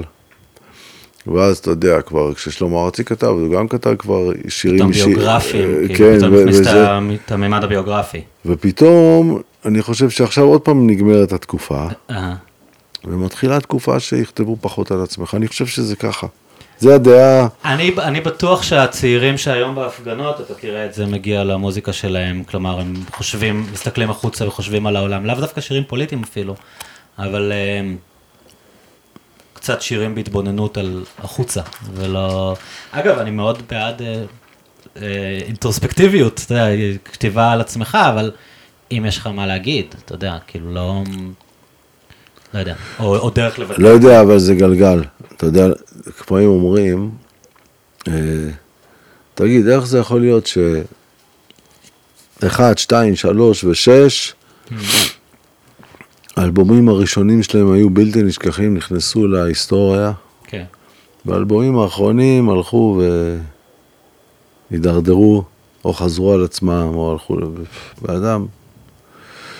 ואיך זה יכול להיות שמספר שבע דווקא, כן, עבר תקופות ועשה אלבומים, אתה יודע, פתאום יש... אתה יכול לראות אומנים שעשו אלבומים וחיפשו דברים, אתה יודע, אפילו דילן, נכון, שהוא כל מאוד כך חשוב דילן, כל כך הרבה דברים הוא עשה. אתה יודע, Shut of Love זה אלבום כמעט כנסייתי, ואחרי זה פתאום נהיה חיבור עם דניאל אנואר, או מרסי ו-Time Out of Mind, אלבומים אחרים, ואחרי זה האלבום הזה וזה, ופתאום, והאלבום האחרון של ה- יש תאוצה? שמעת אותו? משהו, נסעתי איתו כמה פעמים. כן. גם אה, שלחו לי כמה תרגומים טובים, במקום שאני זה ש... הבנתי, האמת, האמת שזה אנגלית סבבה. כן, כן. כן, זה אנגלית שאתה, זה אתה, אתה, אתה, הוא גם יותר ברור קצת בדיקציה, כן. משום מה. בלק ריידר זה שיר, אה. מוש- זה פשוט, אה, זה לא אני חושב יאומן. שזה אחד האלבומים הטובים בקריירה שלו, זה קשה, מוזר להגיד כאילו, אבל אני באמת חושב, אני אני מעריץ... אז. אתה שואל את עצמך, למה זה קורה? שאלתי את עצמי תמיד, מה, אה, יש אנשים שהם, טוב, ברור שיש יותר מושרים, ואז ניסיתי לעקוף אחרי ה... ואני לא אזכיר שמות, אחרי הביוגרפיות קצת של אנשים כאלה, שהיו להם אלבומים טובים. שהיה להם מין ריווייבל, אתה מתכוון? שהיה להם, לא, שהם אחרי- כל הזמן, כן, שהיה להם, שהיצירה שלהם לא הסתיימה בשני אלבומים טובים, שאף אחד, אף פעם לא הצליחו לחזור על זה, או שלושה אלבומים טובים, ושהם עד היום מופיעים השלושה אלבומים טובים. כן. יש מלא כאלה, להקות בכל העולם ובארץ. מופיעים השירים שכתבו פעם, תראה, אתה יודע מה, תראה הרבה אומנים ישראלים מהמיינסטרים ועד הרוק, תראה את ההופעות שלהם, רוב השירים מלפני 20-25 שנה. למרות שלא תמיד זה מעיד על איכות, לפעמים מוצאים אלבומים טובים שפשוט לא הצליחו ולקהל אין סבלנות.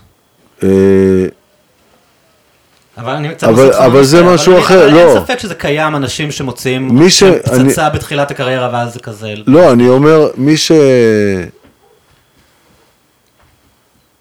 אוהב איזה אומן, ופתאום האומן מוציא תקליט אחר לגמרי, בגלל התקופה שהוא עובר וזה. וזה אלבום שהוא פחות מצליח, ואתה אוהב את האומן, אתה מתחבר ל-11א, אתה מתחבר לתקליט, ל vibe הזה, אתה שומע, אתה יודע, זה- לא אלבום שהיכה גלים, אף שיר ממנו לא נכנס לאף הופעה, אני חושב, כן. לא, בסדר, אולי, מנסור נדמה לי, לא משנה. אבל רוב, רוב האלבום. ואתה, בעיניי, אתה מבין, בעיניי האלבומים האלה הם טובים, אבל אני אומר, שעקבתי אחרי הביוגרפיות של, ניסיתי פעם, היה לי איזה תיאוריה, וראיתי שהיא נכונה, שזה לא עניין של מוכשר ולא מוכשר, זה רק תלוי בחיים שאתה חי. אם אתה מבין שבאומנות אתה צריך לבטא את החיים שלך, ולא החיים שלך צריכים לבטא את האומנות שלך, אלא זה אומר שאתה קודם כל צריך לחיות.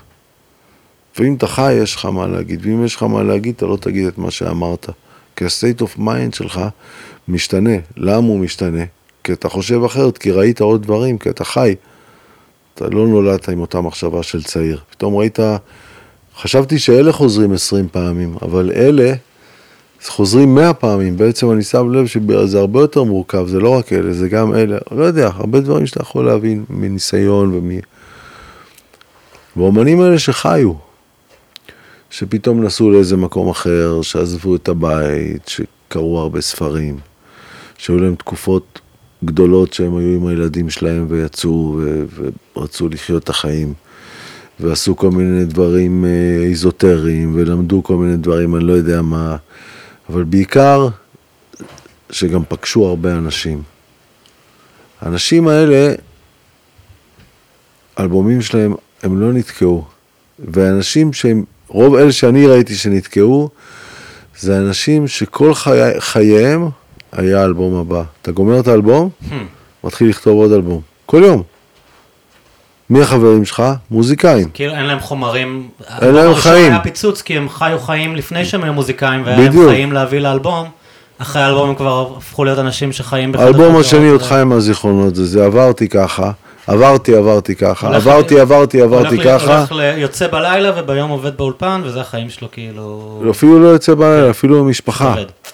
כל הזמן עובד. וכל הזמן בלחץ להביא את האלבום הזה, עוד יותר להצליח, עוד יותר זה, אתה לא חי, לא עושה חופשה בפריז, לא מדבר על זה, חי.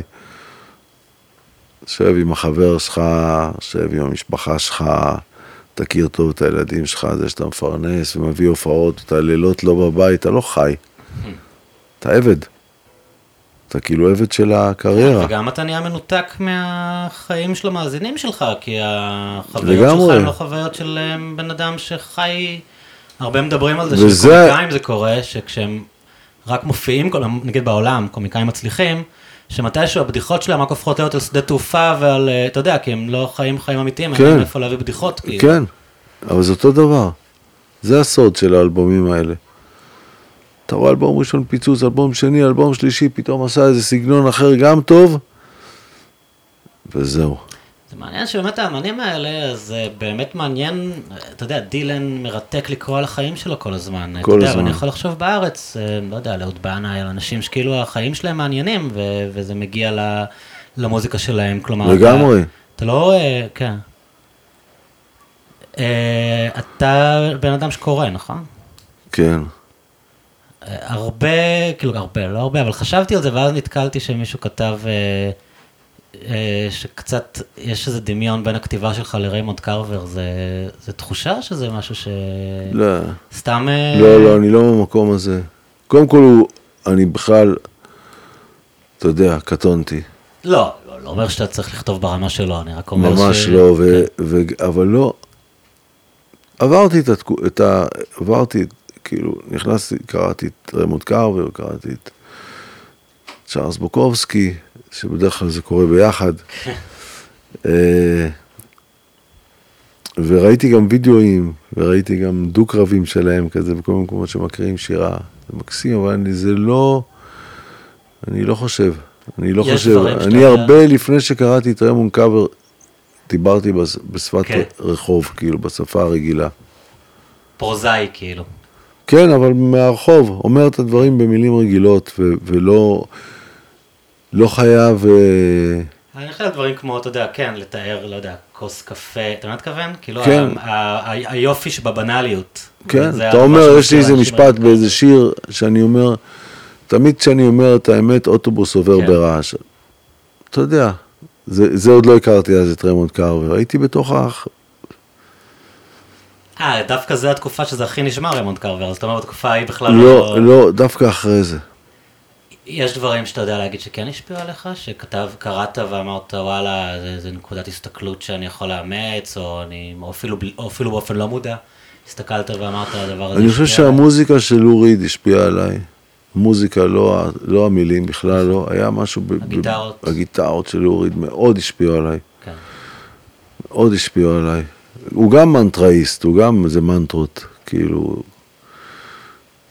אה, מי עוד אני חושב שהשפיע עליי?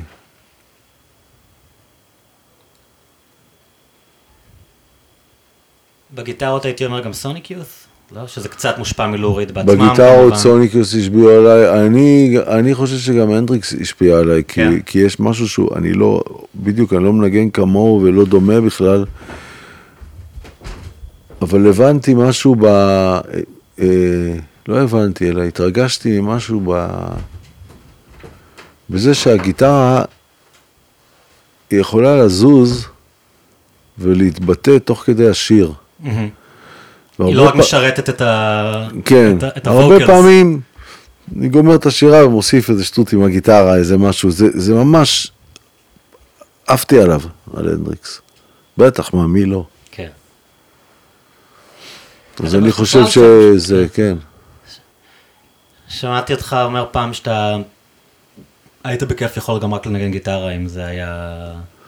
שזה ההנאה הכי כן, אבל אני לא. אני לא חושב, זה הנאה, זה הנאה, זה באמת הנאה מהכי גדולות שלי.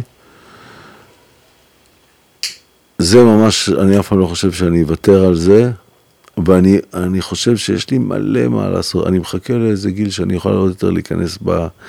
שיהיה לי יותר זמן לנגן. יש לי כל מיני מקומות שאני רוצה לחבר כל מיני דברים שהם עוד לא מתחברים לי. חשבת להוציא אלבום אינסטרומנטלי נגיד?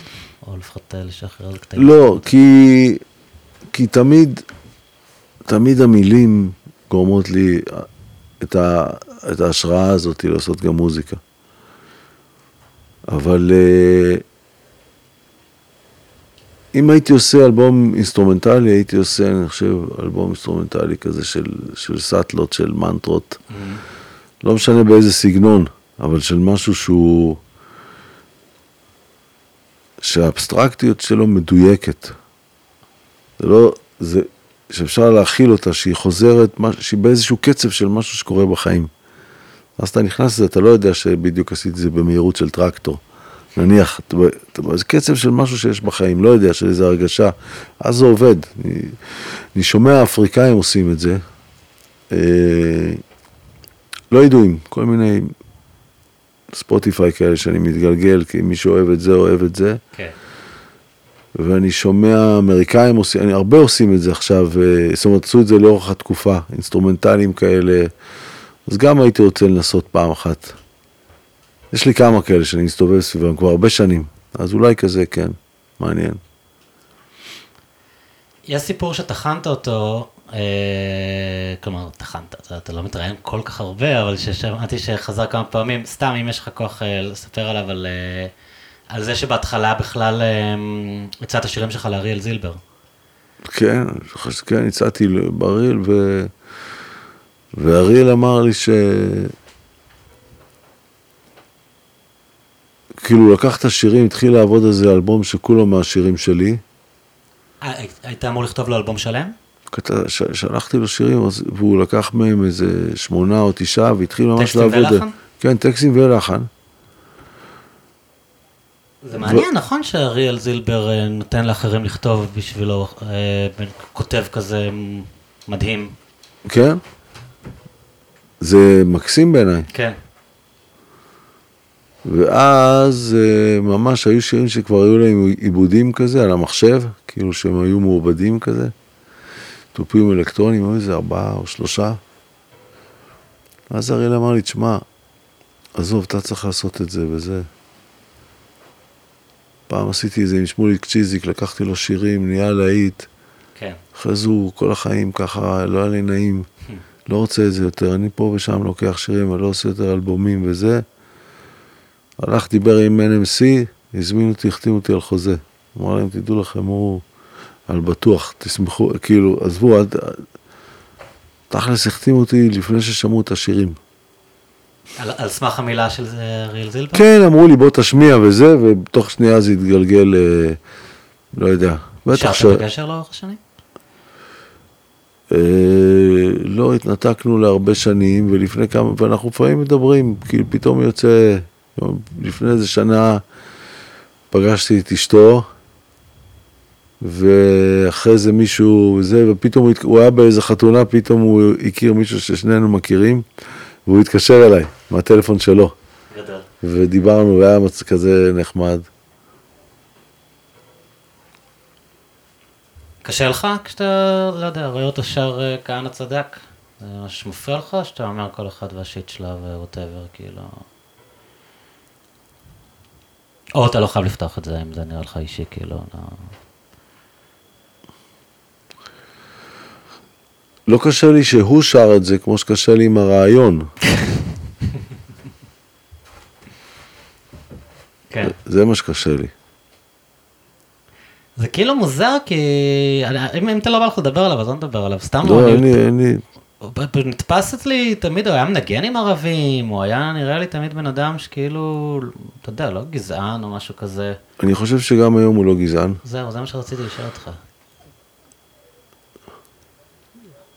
אני חושב שהוא מאוד מאמין, הראל הוא טוטאלי, הוא לא, הוא באמת מאמין והוא... הוא חושב שזה ככה. ומה שקשה לי זה לחשוב שזה ככה, ולהגיד את זה. אני לא יכול, אתה לא יכול, הרעיון הוא קשה. הבן אדם שאומר את זה, זה כבר אחוז אחר. זה ממש קשה לי לחשוב איך הוא חושב את זה, זה, זה... אבל אני לא יכול לשנוא אותו. כן. כמו שהוא לא, לא אמור לשנוא אותי, שבטח הרעיונות שלי הם בשבילו נוראים. זה, הוא לא אוהב את הרעיון, וזה כל העניין גם.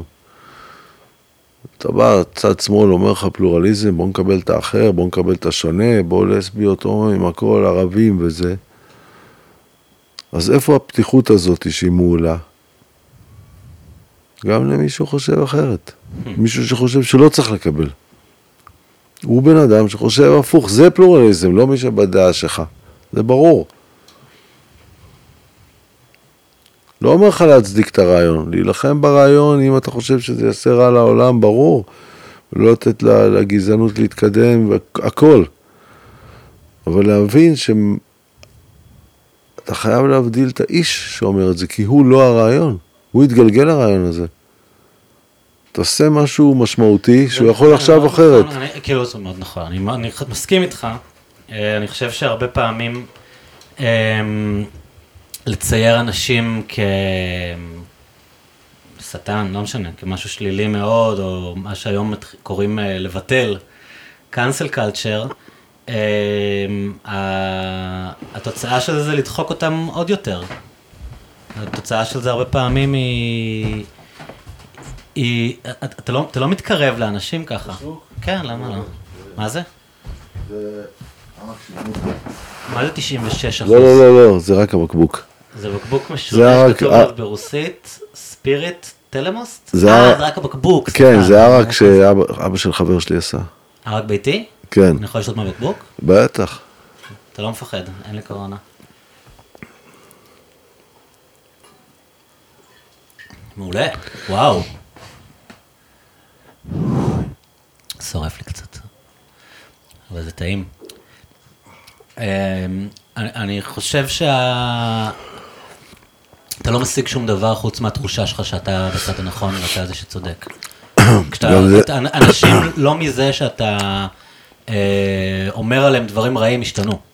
כאילו, אבל בקטע הזה אני, אני חושב שאתה צודק. אני לא יודע בדיוק מה הדרך הנכונה לגשת לזה, אבל לצעוק על בן אדם שאמר משהו לא נכון, שהוא גזען, או שהוא הומופוב, או שהוא רשע, אמ, עוד פעם, כמו שאתה אומר, זה חשוב להוקיע, אבל יש כאן, יש כאן איזשהו פספוס, שאני כן. לא ניסחתי לעצמי. כי זה, זה, זה גם הרבה פעמים הגישה הזאתי שאתה כאילו שנייה מתייחס רק לרעיון ולא לבן אדם,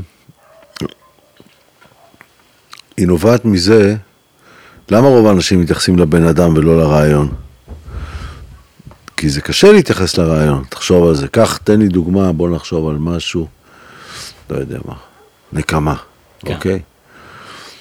עכשיו, אם אתה אשכנזי כזה, תגיד, בוא'נה, נקמה זה בסדר, אבל תלוי עד איפה. Mm-hmm. אם אתה ממש אה, כבוד המשפחה, בוא'נה, זה לא. אז, אז זה בסדר. להבדיל את הנקמה בין, אה, בין אה,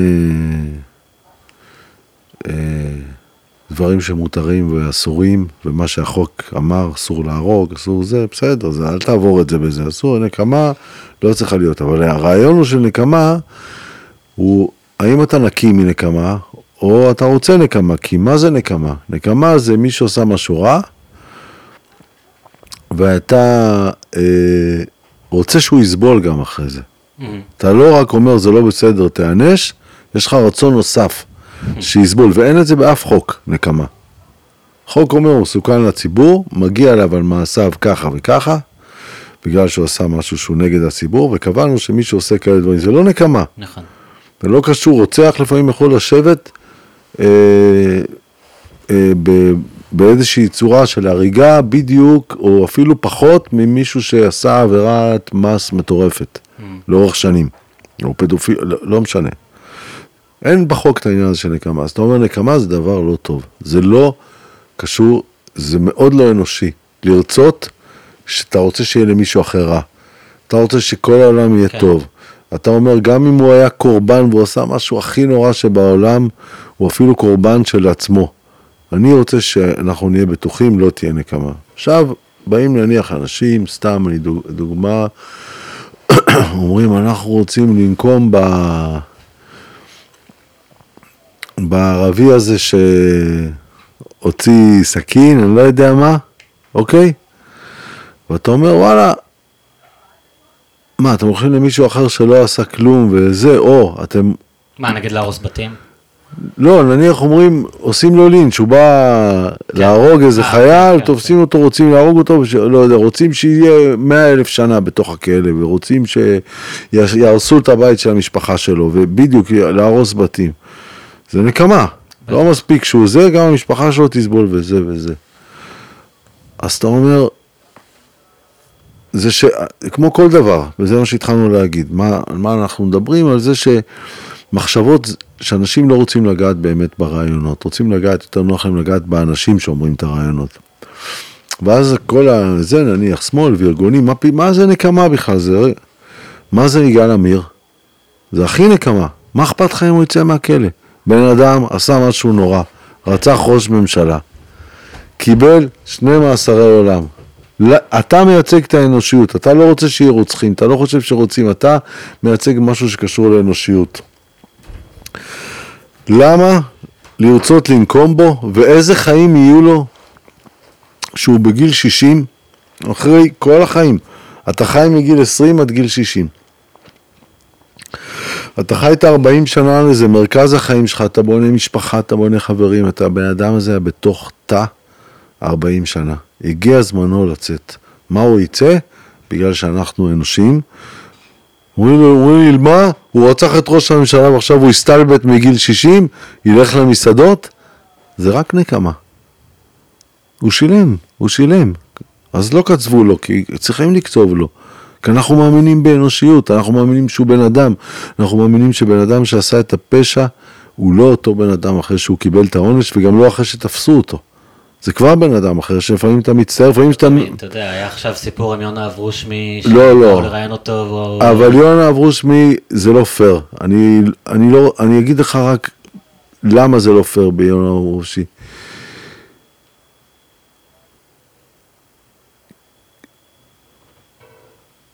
כי אפשר גם לחשוב, לפי איך שיונה אברושמי דיבר, הצורה שהוא מסתכל על החיים היא, היא די שטחית. כן. והתקשורת לא הציגה את זה ככה, זה לא כמו שאתה ואני אומרים את זה. הוא נמצא, ב, ב, יש לו איזשהו אה, אה, אה, חוסר, גאון. הוא, כן, הוא לא גאון, והוא גם בפיגור סביבתי קטן כן. עם עצמו, שבש, שאיפה שהוא חי וזה הכל בסדר מבחינתו. אבל מי שמקיף אותו לא היה מתייחס למה שהוא אומר, כי אומרים ככה הוא מדבר, אני לא חשבתי שהוא מסוכן, אני גם חשבתי שזה היה מזעזע שהם באו אליו, תפסו ועשו אותו ראו בלשון. זה בטלוויזיה, ואז אמרו צריך, אה, זה, כן, אתה יודע, צריך לתפוס זה אותו, מכשול כאילו, לפני עיוור, כן, זה בדיוק, כן. זה בדיוק שכמו אומרים, אז אל תדעו התקשורת, את זה כאילו אם זה נראה לכם הסתה, למה אתם כאילו הולכים כן, וגם למה, לא, וגם למה לשאול. לעשות חמש פעמים ב, ביום חדשות, ובחדשות להריץ משהו שקורה עשרים פעם, למה?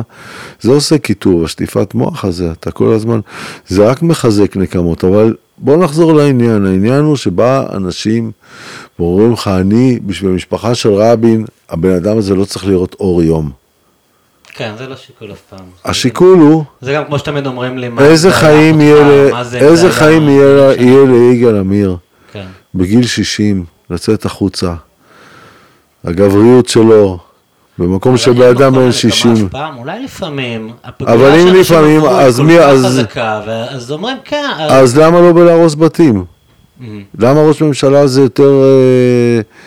אה, מה ההבדל? למה ראש ממשלה צריכה להיות נקמה, ובמי שהורס בתים למישהו שרצח... כן, על- אני אני מסכים איתך. זה שניכם רציחות, שניהם רציחות פוליטיות דרך אגב. יש אנשים אה, רוחניים מאוד, לא, זה כמו ההבדל בין, היו אה, לו.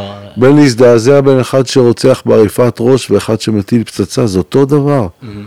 ההוא יותר אכזרי. כן, כן. אבל- זה תחושה, זה רגש- זה רגשי. הרג זה הרג. זה רגשי. אני גם אז- הרבה פעמים, אז- אני- לי מאוד קשה כש... אתה יודע, מישהו דורס מישהו. ואז הוא מקבל, אה, לא יודע מה, שלוש שנים. שנים בכלא. ואז רואים, מראיינים את האימא, והיא מתחילה לצרוח ולהגיד, מה זה שלוש שנים? הוא גמר לי על כל החיים." הבן שלי לא יחזור, אבל כאילו, מה, מה אתם, כאילו, שלוש שנים בכלא? זה דבר מטורף למישהו שעשה את הטעות של לעלות על ההגה שיכור, כאילו, שלוש שנים בכלא זה מלא זמן. אתה יודע ש... רק לא- תעצור שנייה, אני חייב לעצור אותך במשפט הזה, כן. שלוש שנים בכלא זה הרבה זמן. אתה יודע ש... שבדיוק עכשיו השיר הבא שאני הולך לעבוד עם סאבו, הפזמון שלו זה שנתיים, זה הרבה זמן. אז זה מדהים, באמת מדהים.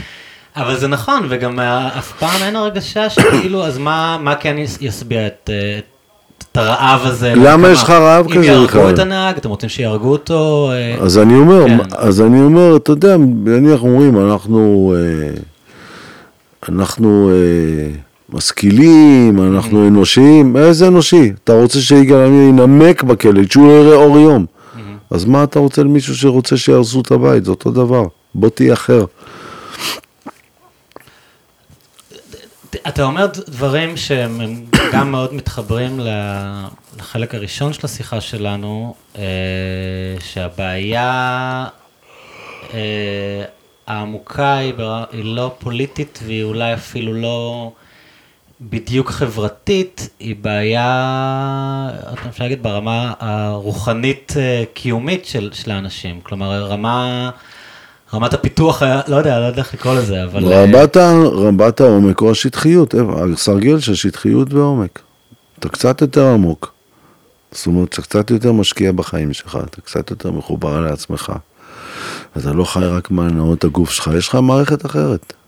אם היית, ואתה לא, ואני יודע שאתה לא אוהב להיות, אבל אם היית מין אה, מורה כזה, אתה יודע מה, אתה אפילו היית מורה, נכון? היית גם מחנך? לימדת מתמטיקה. חינכתי רק פעם אחת, אה, שנתיים, אה, בבית ספר אה, עירוני י"א, בבית ספר ערבי ביפו. חינכתי איזה כיתה, שנתיים, פעם היחידה. כל השאר הייתי מורה היה רגיל. מגיע אליך אה, נער בן 17, אה, באמת פתוח וקשוב, והיית רוצה לעזור לו לחיות חיים, או לאמץ אה, ראיית עולם, ש... ש... שת... שתוביל אותו לחיים נכונים, לחיים אה, כמו שאתה מדבר עליהם. לחיים שבהם אה, אה, ההסתכלות היא לא שטחית וה, ויש עומק. יש עצות שהיית יכול לתת לו, או דרך נכונה לחיות, או מה, מה הדברים שלדעתך, עוד פעם, אני לא שואל אותך את זה כגורו, אני שואל אותך כבן אדם כן. שאתה יודע, שיש לו איזושהי תה- תהיה נאמן לעצמך. כן, בשביל להיות נאמן לעצמך, תברר מה גורם לך אושר, איפה אתה באמת כיף לך. ואם זה מתנגש עם האגו שלך, אז תטפל באגו, כי הוא מפריע לך להיות מאושר. אם זה, מת- זה מתנגש עם הרגשי שיש לך מהחיים, שאתה מרגיש פחות, שנניח באתי, נניח מחו"ל אנשים, אני חוויתי מקומות שהייתי בא למקומות והרגשתי פחות, אני מכיר את זה. איזה מסיבה, נסענו במונית לצפון תל אביב, אף אחד לא דיבר איתנו. חוץ מזה שהזמין אותנו, שזה לא היה הבעל למסיבה. אחד שהיינו איתו בקשר והוא הזמין אותנו למסיבה, באנו החולונים. איפה? בברלין? לא, בצפון תל אביב. אה, אוקיי, תל אביב. כן. ובאנו חולונים, היינו איזה... אתה מדבר על כשהיית ממש צעיר? בגיל 17, כן. ובאנו לאיזה מסיבה, באיזה בית פרטי שם ליד צהלה. נכנסנו למסיבה, הסתכלו עלינו כאילו אנחנו לא יודע מה. אתה יודע, ואנחנו בשבילנו, היה לנסוע במונית, זה היה קטע. כולם עם המלבור האדום, אנשים טובים, אני, חברים, כולם אחלה בני אדם. בסדר, גדלנו בתרבות חולונית, דיברנו חולונית, הכל בסדר, אבל... ולא דיברו איתי. לא די... אף אחד, דיבר, ניסינו לדבר אפילו עם הבנות, הם עברו למקום כי אחר. קלטו שאתם אה, חולונים כאילו? זאת אומרת, היה בתוך סנוביזם? כאילו, כן, סנוביזם.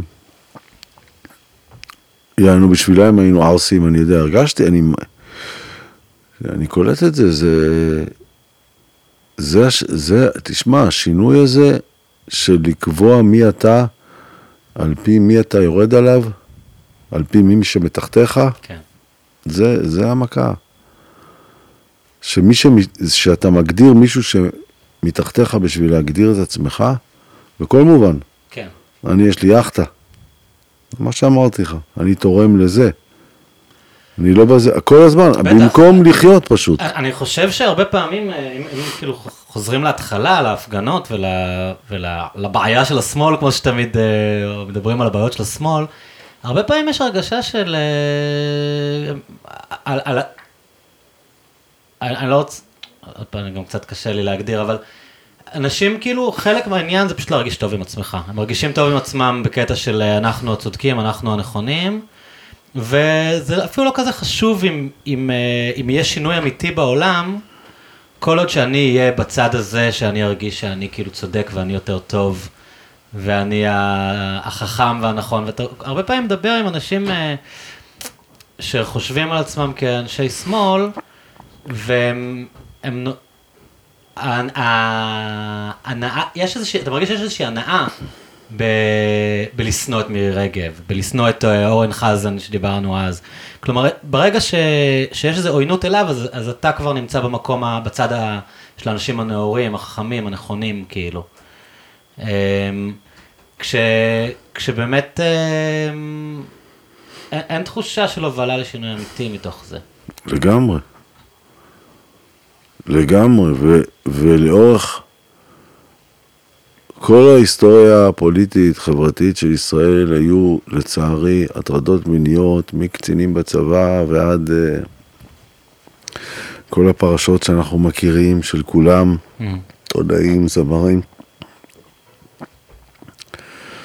זה לא שפתאום משהו השתנה. כל העניין הזה שלקחו לנו את המדינה, כן. הכסף לקח לנו את המדינה. התרבות והערכים שלנו שכלום, כי אנחנו רק אחרי, נהנים אחרי עוד ועוד ועוד. זה מה שלקח את המדינה, לא, לא אף אחד אחר. אתה לקחת לעצמך את המדינה. אתה מעניין אותך לנסוע, ואתה נוסע, ואתה חוזר, ואתה בטיול אומר לאשתך, בפעם הבאה אנחנו בקרואטיה. נכון, נכון. גמרת על עצמך, מה אתה רוצה? מה אתה אומר, הם לקחו לי את המדינה? למה אתה צריך להיות ב-20 מקומות? למה שלא תראה את הילדים שלך ואת השכן שלך רוב הזמן? זה יהיה החיים המרכזיים שלך, ומדי פעם תעוף על הציפור החוצה. לא סתם בנו את העולם שכל אחד במקום שלו. איזה כיף זה לי, זה כל הזמן לקנות אצל אחרים, לראות איך שהם חיים, להיות צופים בהם, לאכול את האוכל שהם, שהם אוכלים, להיות מהצד, לא כמוהם, שבועיים ולחזור הביתה לחיים אמיתיים. מה, מה יש בזה חוץ מה... זה ששברת את השגרה ואתה מתרגש לקראת, אבל כשאתה מגיע למקום שהתרגשת לקראת, אתה לא חי. אבל אני חושב שזה נובע מזה שהם גם שונאים את החיים שלהם בארץ. האנשים עובדים בעבודות שהם לא אוהבים, אה, כל יום שלהם נראה אותו דבר, הם ברור, יש לזה, יש, לעבודה, יש לזה מלא. סיבות, אבל עכשיו, תראה, עכשיו אנשים, דיברנו על זה, פתאום יש להם חל"ת, כן, ואז אומרים, תשמע, אין לי עבודה בינתיים, החל"ת הזה, בוא נעבור בית, בוא נעבור לבית יותר זול. טוב, עכשיו, וואי, אני דופק את הראש פה עם החברים במרפסת עם בירה. פי מיליון יותר מגניב מהברים. כן, נהיה קטע בכל הארץ. אנשים באים אחד על השני, יושבים בבית, כן. עם הבירות, מביאים פיצוחים. מה נגמר הערב? כל אחד איזה 40 שקל. לא 150 והמונית, ואחרי זה שאתה מצטער, ואתה קונה לכולם ביחד. ההוא דופק איזה משהו.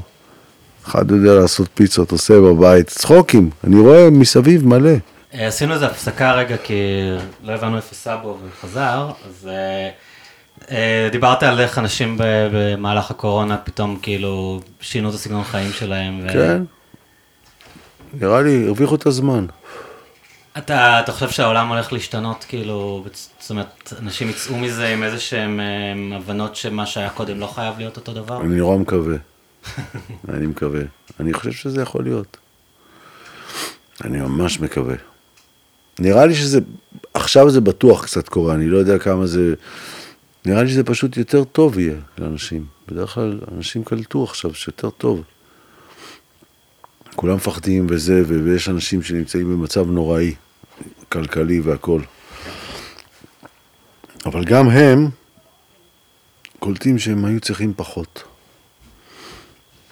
אנשים, אה, הדבר שאתה מדבר עליו, החומרנות הזאת, פתאום לאנשים יהיה איזה רגע לחשוב על מה הם באמת רוצים מהחיים, כאילו, במקום אה, לרדוף מתוך איזה רוטינה, מתוך איזה אינרציה? אני חושב שכן, אני חושב שזה המהות של הקורונה, בגלל זה אני חושב שלא צריך להופיע, אני חושב עכשיו, Mm,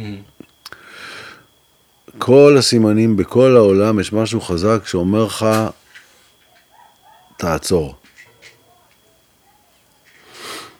כן, אני חווה את זה גם בחיי הלילה, שאנשים בכוח מנסים ללחוץ. חיי לפתוח הבוקר, איכשהו נגד כל הסיכויים, ואני מהרגע שזה התחיל, כל הזמן אמרתי, נסיעות לחו"ל, הכל. כאילו, כן. בוא נראה מה קורה, בוא כאילו לא ננסה לחשוב אם פתאום איזה שבוע אפשר להשיג היתר, חכה רגע, יהיה גל שלישי, גם הוא אגב איתי, כן, לא שאני צריך לשכנע אותו, אבל כן. כאילו בוא רגע נראה, נבין רגע מה קורה כאן, לפני שכאילו ניתקע על מה שהיה קודם ונתעקש, כאילו, הדברים לא יחזרו להיות כנראה בדיוק כמו שהם היו בכל מקרה. ככה נראה לי, נראה לי שזה לא יחזור לאותו דבר. ונראה לי שאם אתה שואל אותי, נראה לי שלא יכול להיות לחזור אותו דבר, כי קודם כל, לא יודע, היית ברחוב הרצל, ראית ברחוב דיזינגוף, ראית כמה חנויות, היית בשנקין, היית ב, בהרבה מקומות, היית ב, ב, סתם, הייתי בנתניה וזה, מלא חנויות סגורות. בטח. נסגרו, השכרה כן, והשכרה כן. והשכרה. פלורנטין כולה. זה עוברים אה, משהו, זה פתאום ראו גם, כולם, שהעיסוק באיראן ובפלסטינאים ובערבים וזה, וואלה, זה לא כזה חלק משמעותי בחיים שלנו, כמו שחשבנו. אפשר לחיות שנה בלי להתעסק בזה, בלי שזה עולה לדיון ציבורי כן, וזה. נכון. אז אנשים קולטים את זה. אתה רואה? יש מין ריסטארט להכל, וכשאנשים יגידו להם, אוקיי, העולם חזר, אז הם פתאום יגידו, אוקיי, אני לא חייב. הם לא לחזור." יגידו, הם, זה טבעי. Mm. הם כבר, אתה משתנה בשנה, אתה שנה, אתה יודע. לא עלינו... כן. אבל אה, אני, אני חושב שכן, אני לא חושב שזה צריך לבוא מתוך איזה מחשבה, אתה פשוט מרגיש את זה, אתה... הנה אתה עשית שינוי. כן. כן, החיים, אני לא אחזור לחיות את אותם חיים כמו שחייתי אותם, אני די בטוח בזה שגם אם הקורונה נגמרת מחר בבוקר, כאילו, אני לא אחזור לאיפה שהייתי בפברואר אה, 19. אמרו לי, סתם, היה איזה... נפגשתי עם כמה...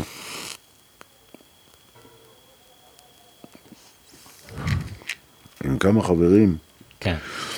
סתם מוזיקאים כאלה, דיברנו סתם, היינו באיזה אולפן, והיה הדיבור הזה. אמרו לי,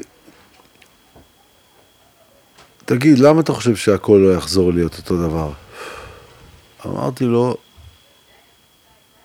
כלומר, הכל יחזור להיות דבר תוך דקה.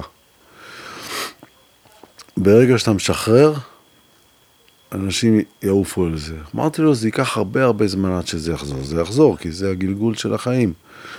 מתברגנים, נהיים יותר חזירים, אה, עוד פעם חוטפים מכה, עוד פעם חוזרים לעצמנו. כל ההיסטוריה הולכת בגלים כאלה של, אתה יודע, אפילו התנועות האלה של ה-peace and love בארצות הברית, בסוף נהיה כרטיסים של פלטינה בכיס ומשרות, ככה זה התגלגל, מהפכנים גדולים גם. כן. זה הטבע. ואני אומר שזה לא יחזור רק בגלל שאני חושב שהרבה אנשים הרגישו שאי אפשר עליהם. אה, נסיעות ימשיכו וחו"ל, והרגישו בטוח, לא הרגישו שמשהו יכול לשנות. וברגע שהאדמה נשמטה להם מתחת לרגליים, סכנת מוות, אין פרנסה, אנשים מתים, אלפיים, שלושת אלפים, בעולם בכלל, סגר בכל העולם, אי אפשר לנסוע, הולכים עם מסכות ברחוב. אתה לא... אז אתה- לא יכול לחזור לזה, כי אתה לא יכול עוד פעם להרגיש אידיוט ששום דבר לא יכול לקרות כלומר. הם חיו במין ביטחון מזויף ואיזושהי אשליה שהחומר נתן להם. וכשהם גילו את זה, כן. הם לא יכולים לחזור עוד פעם לשם, כי כי תמיד... הם יודעים שזה יכול להתפרק עוד פעם יודעים ברגע. שזה יתפרק, וזה השינוי. ברגע הידיעה הזאת שיכול להתפרק, אתה קצת כן. נזהר מזה. והמוזיקה גם תשתנה, כי הכל ישתנה קצת. אז גם המוזיקה תשתנה. דיברנו, אני לוקח את זה קצת פעם למקום היומיומי טיפה, דיברנו על העניין הזה של הופעות בית. אה, ואמרת, ש- דיברנו קצת לפני, ואמרת שאותך זה לא מגניב במיוחד, כאילו העניין לא, הזה. זה, תשמע, יש, היו לי הופעות בית מרגשות כן. עם אנשים, אבל אני... חושב שצריך לחכות ו...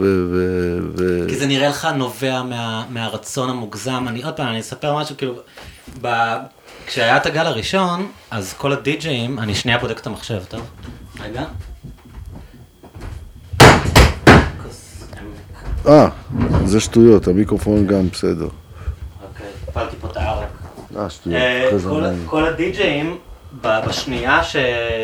שנגמר, שהתחיל אה, סגר, התחילו להעלות אה, תקלוטים של עצמם בפייסבוק ובאינסטגרם, בקטע של, "לא, אני חייב לתקלט, אתה יודע, כאילו, לא, לא יכלו לעצור לרגע, וסטנדאפיסטים התחילו להעלות מופעי סטנדאפ של עצמם באינסטגרם, כאילו, היה מין איזה חרדה שכאילו, מה, מה אני אעשה אם אני לא, אתה יודע, החוסר יכולת הזאת לעצור לרגע, ואולי ההופעות בית זה גם קצת משהו כזה, כאילו, כן, קצת מהמקום הזה כאילו, זה אני, אני מפריע חייב לי. להופיע, אני לא יכול לא להופיע, אז זה, בוא- זה, זה המקום שמפריע לי, לא ההופעות, כאילו, וואלה, עכשיו הכל אומרים לך הולד, יש לך באמת הולד, אמיתי, לא אומרים לך, אתה בהולד.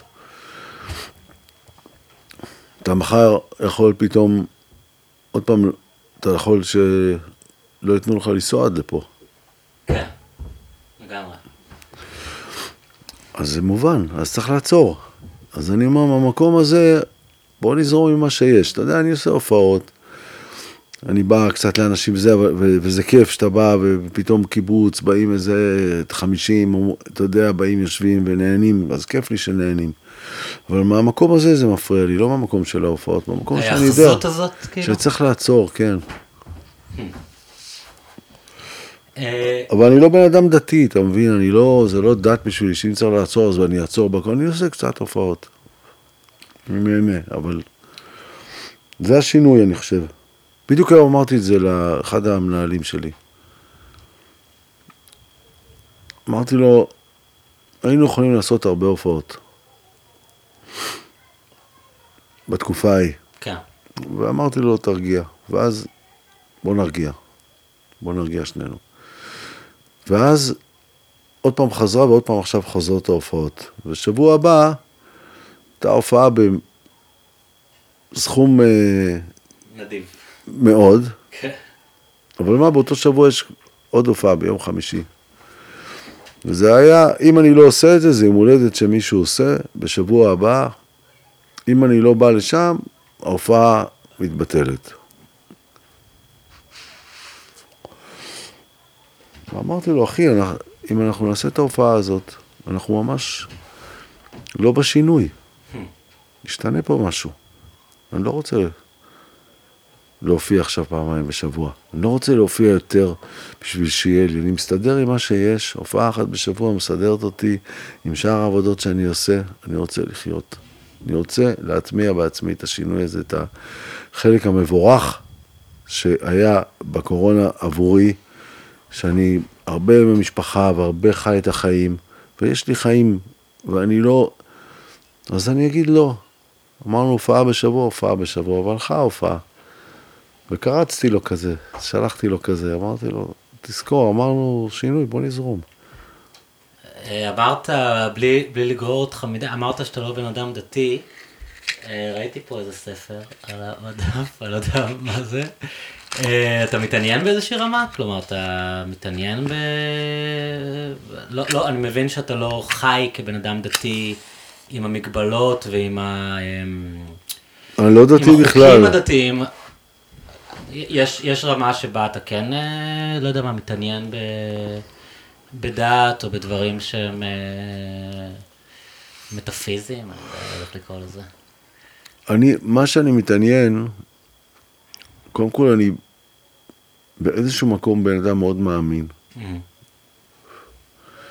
אני חי עם איזה אמונה בלב, אל תשאל אותי איזה סוג של אמונה, אבל אני מרגיש שאני בן אדם מאמין, כן. שיש לי אמונה.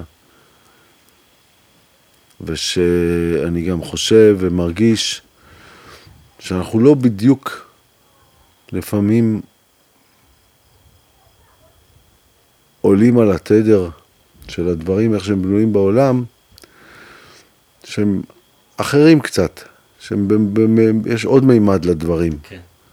וזה לא אומר שאני צריך עכשיו לא לשים נייר טואלט. השבת היא מתנה. זה דבר ענק שאומרים לך stop. כשהייתי מעשן סיגריות, אז תמיד הייתי מפסיק לעשן בשבת. אמרתי, איזה גדול זה יום מנוחה. ואף פעם לא הופעתי, לא הייתי מופיע בימי שישי. אמרתי, וואלה, זה יום אחד שכל המשפחה ביחד. כולם באים, הילדים וזה, ואני הולך להופיע, ואז אני חוזר, ויום שבת אני עייף, וכאילו, תביא גם לחיות. רק, עזוב, זה לא, זה לא משהו שאני מפחד שיעשו לי. אם אני מרגיש שהדבר הכי כיף זה בשבת, דווקא לקניות לא, אבל לנסוע לים, זה על מנוחה, להיות עם כולם בים, להיכנס למים, זה, זה, זה ענק, זה הפסקה. כאילו, אני לא, בכלל לא דתי. ו, ומה שאני מתעניין, ואני קורא כל מיני ספרים, אני מתעניין בצד של החוקים החברתיים mm-hmm. שנגזרים מה... מהחוכמה היהודית לאורך השנים שקשורה לדת שאנשים התעסקו בהרבה אה, מובנים, בכל מיני כללים שיכולים, אה, שהם כללי חיים. עכשיו,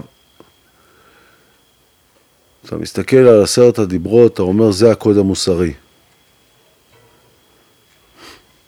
אה, אתה יודע, לא יהיה לך אלוהים אחרים על פניי, הדיברה הראשונה וזה, אנוכי הדבר. אז אני בזה אומר, אני, אנוכי, זה, אני אומר, אני מאמין, אני אדם מאמין. לא, אני לא אאמין ברע. לא יהיה לך אלוהים אחרים על פניי, אני לא אאמין. כשאלוהים אחרים, אגב, זה יכול להיות בדיוק החומרנות הזאת שדיברת עליה. הכל, אני אומר, כן. אני אאמין בטוב ובמה שאני מאמין, בכלל לא מסתכל על זה, ואני מסתכל על השאר, אתה אומר, זה בדיוק העניין הזה, אתה יודע, באים ו... ו...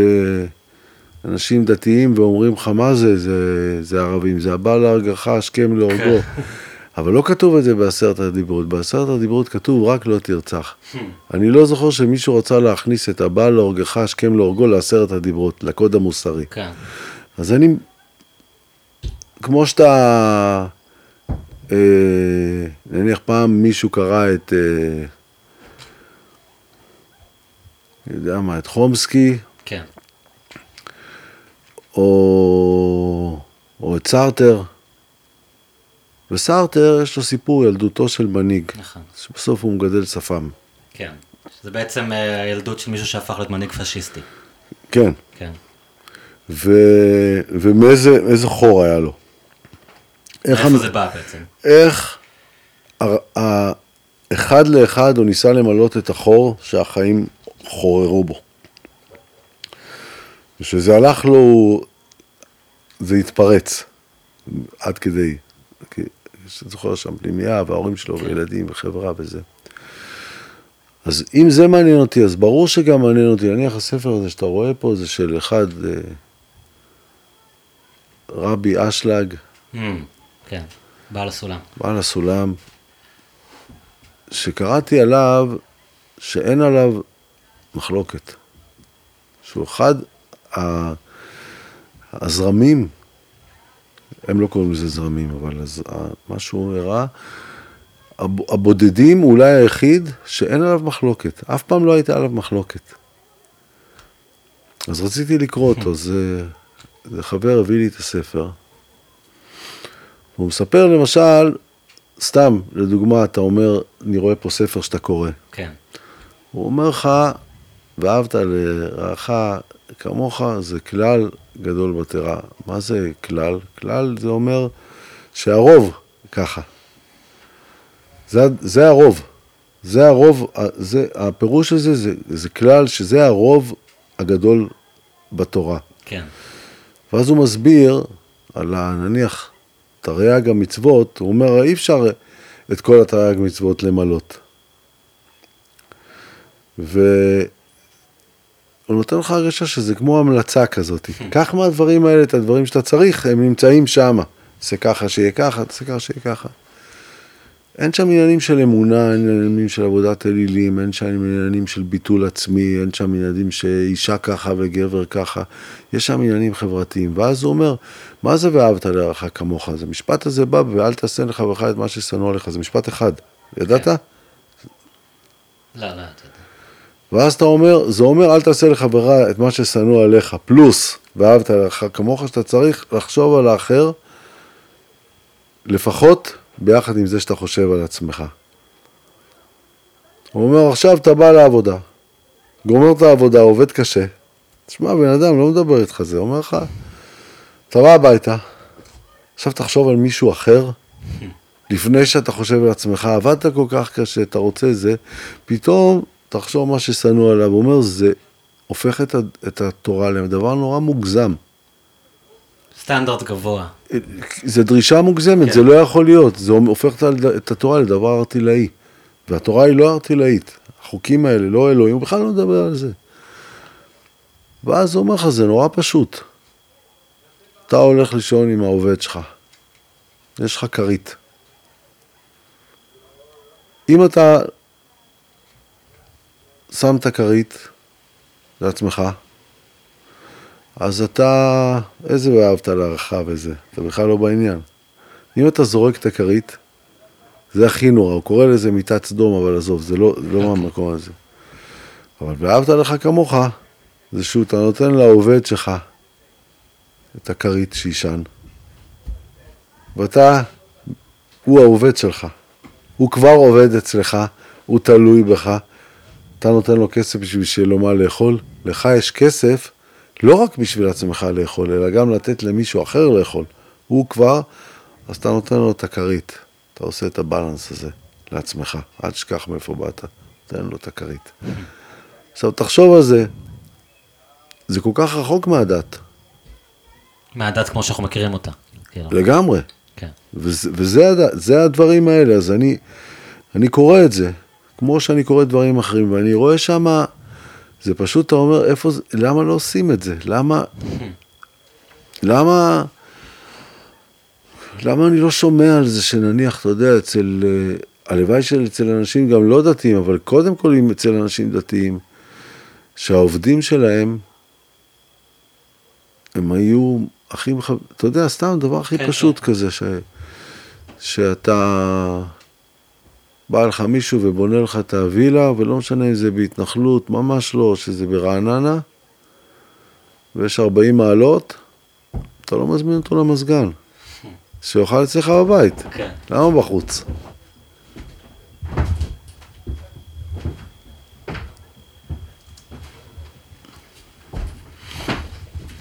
אז אה, תשמע, בעת האחרונה לא קראתי הרבה דברים שאומרים את זה. אתה יודע, שהיה מרקס וזה, ושדיברו כאלה, היה פעם תקופות שדיברו על כאלה דברים, עכשיו כבר לא מדברים על זה. זה המקום היחידי שאני פתאום מוצא את זה, ועוד מאיזה משהו היסטורי וקדום, אז אתה יודע שיהיה טוב.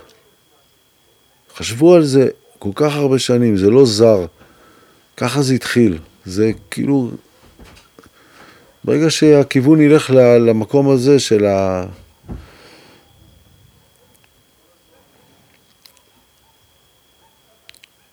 שבעצם הכי, הכי, הכי כיף בחיים זה להיות מאושר, וכמעט אין אה, הרבה מקומות מיידיים שאתה מרגיש טוב עם עצמך, אפילו לא מאושר, רק טוב עם עצמך, שזה גם enough, זה אם אתה נותן לו בשביל לקבל. נכון.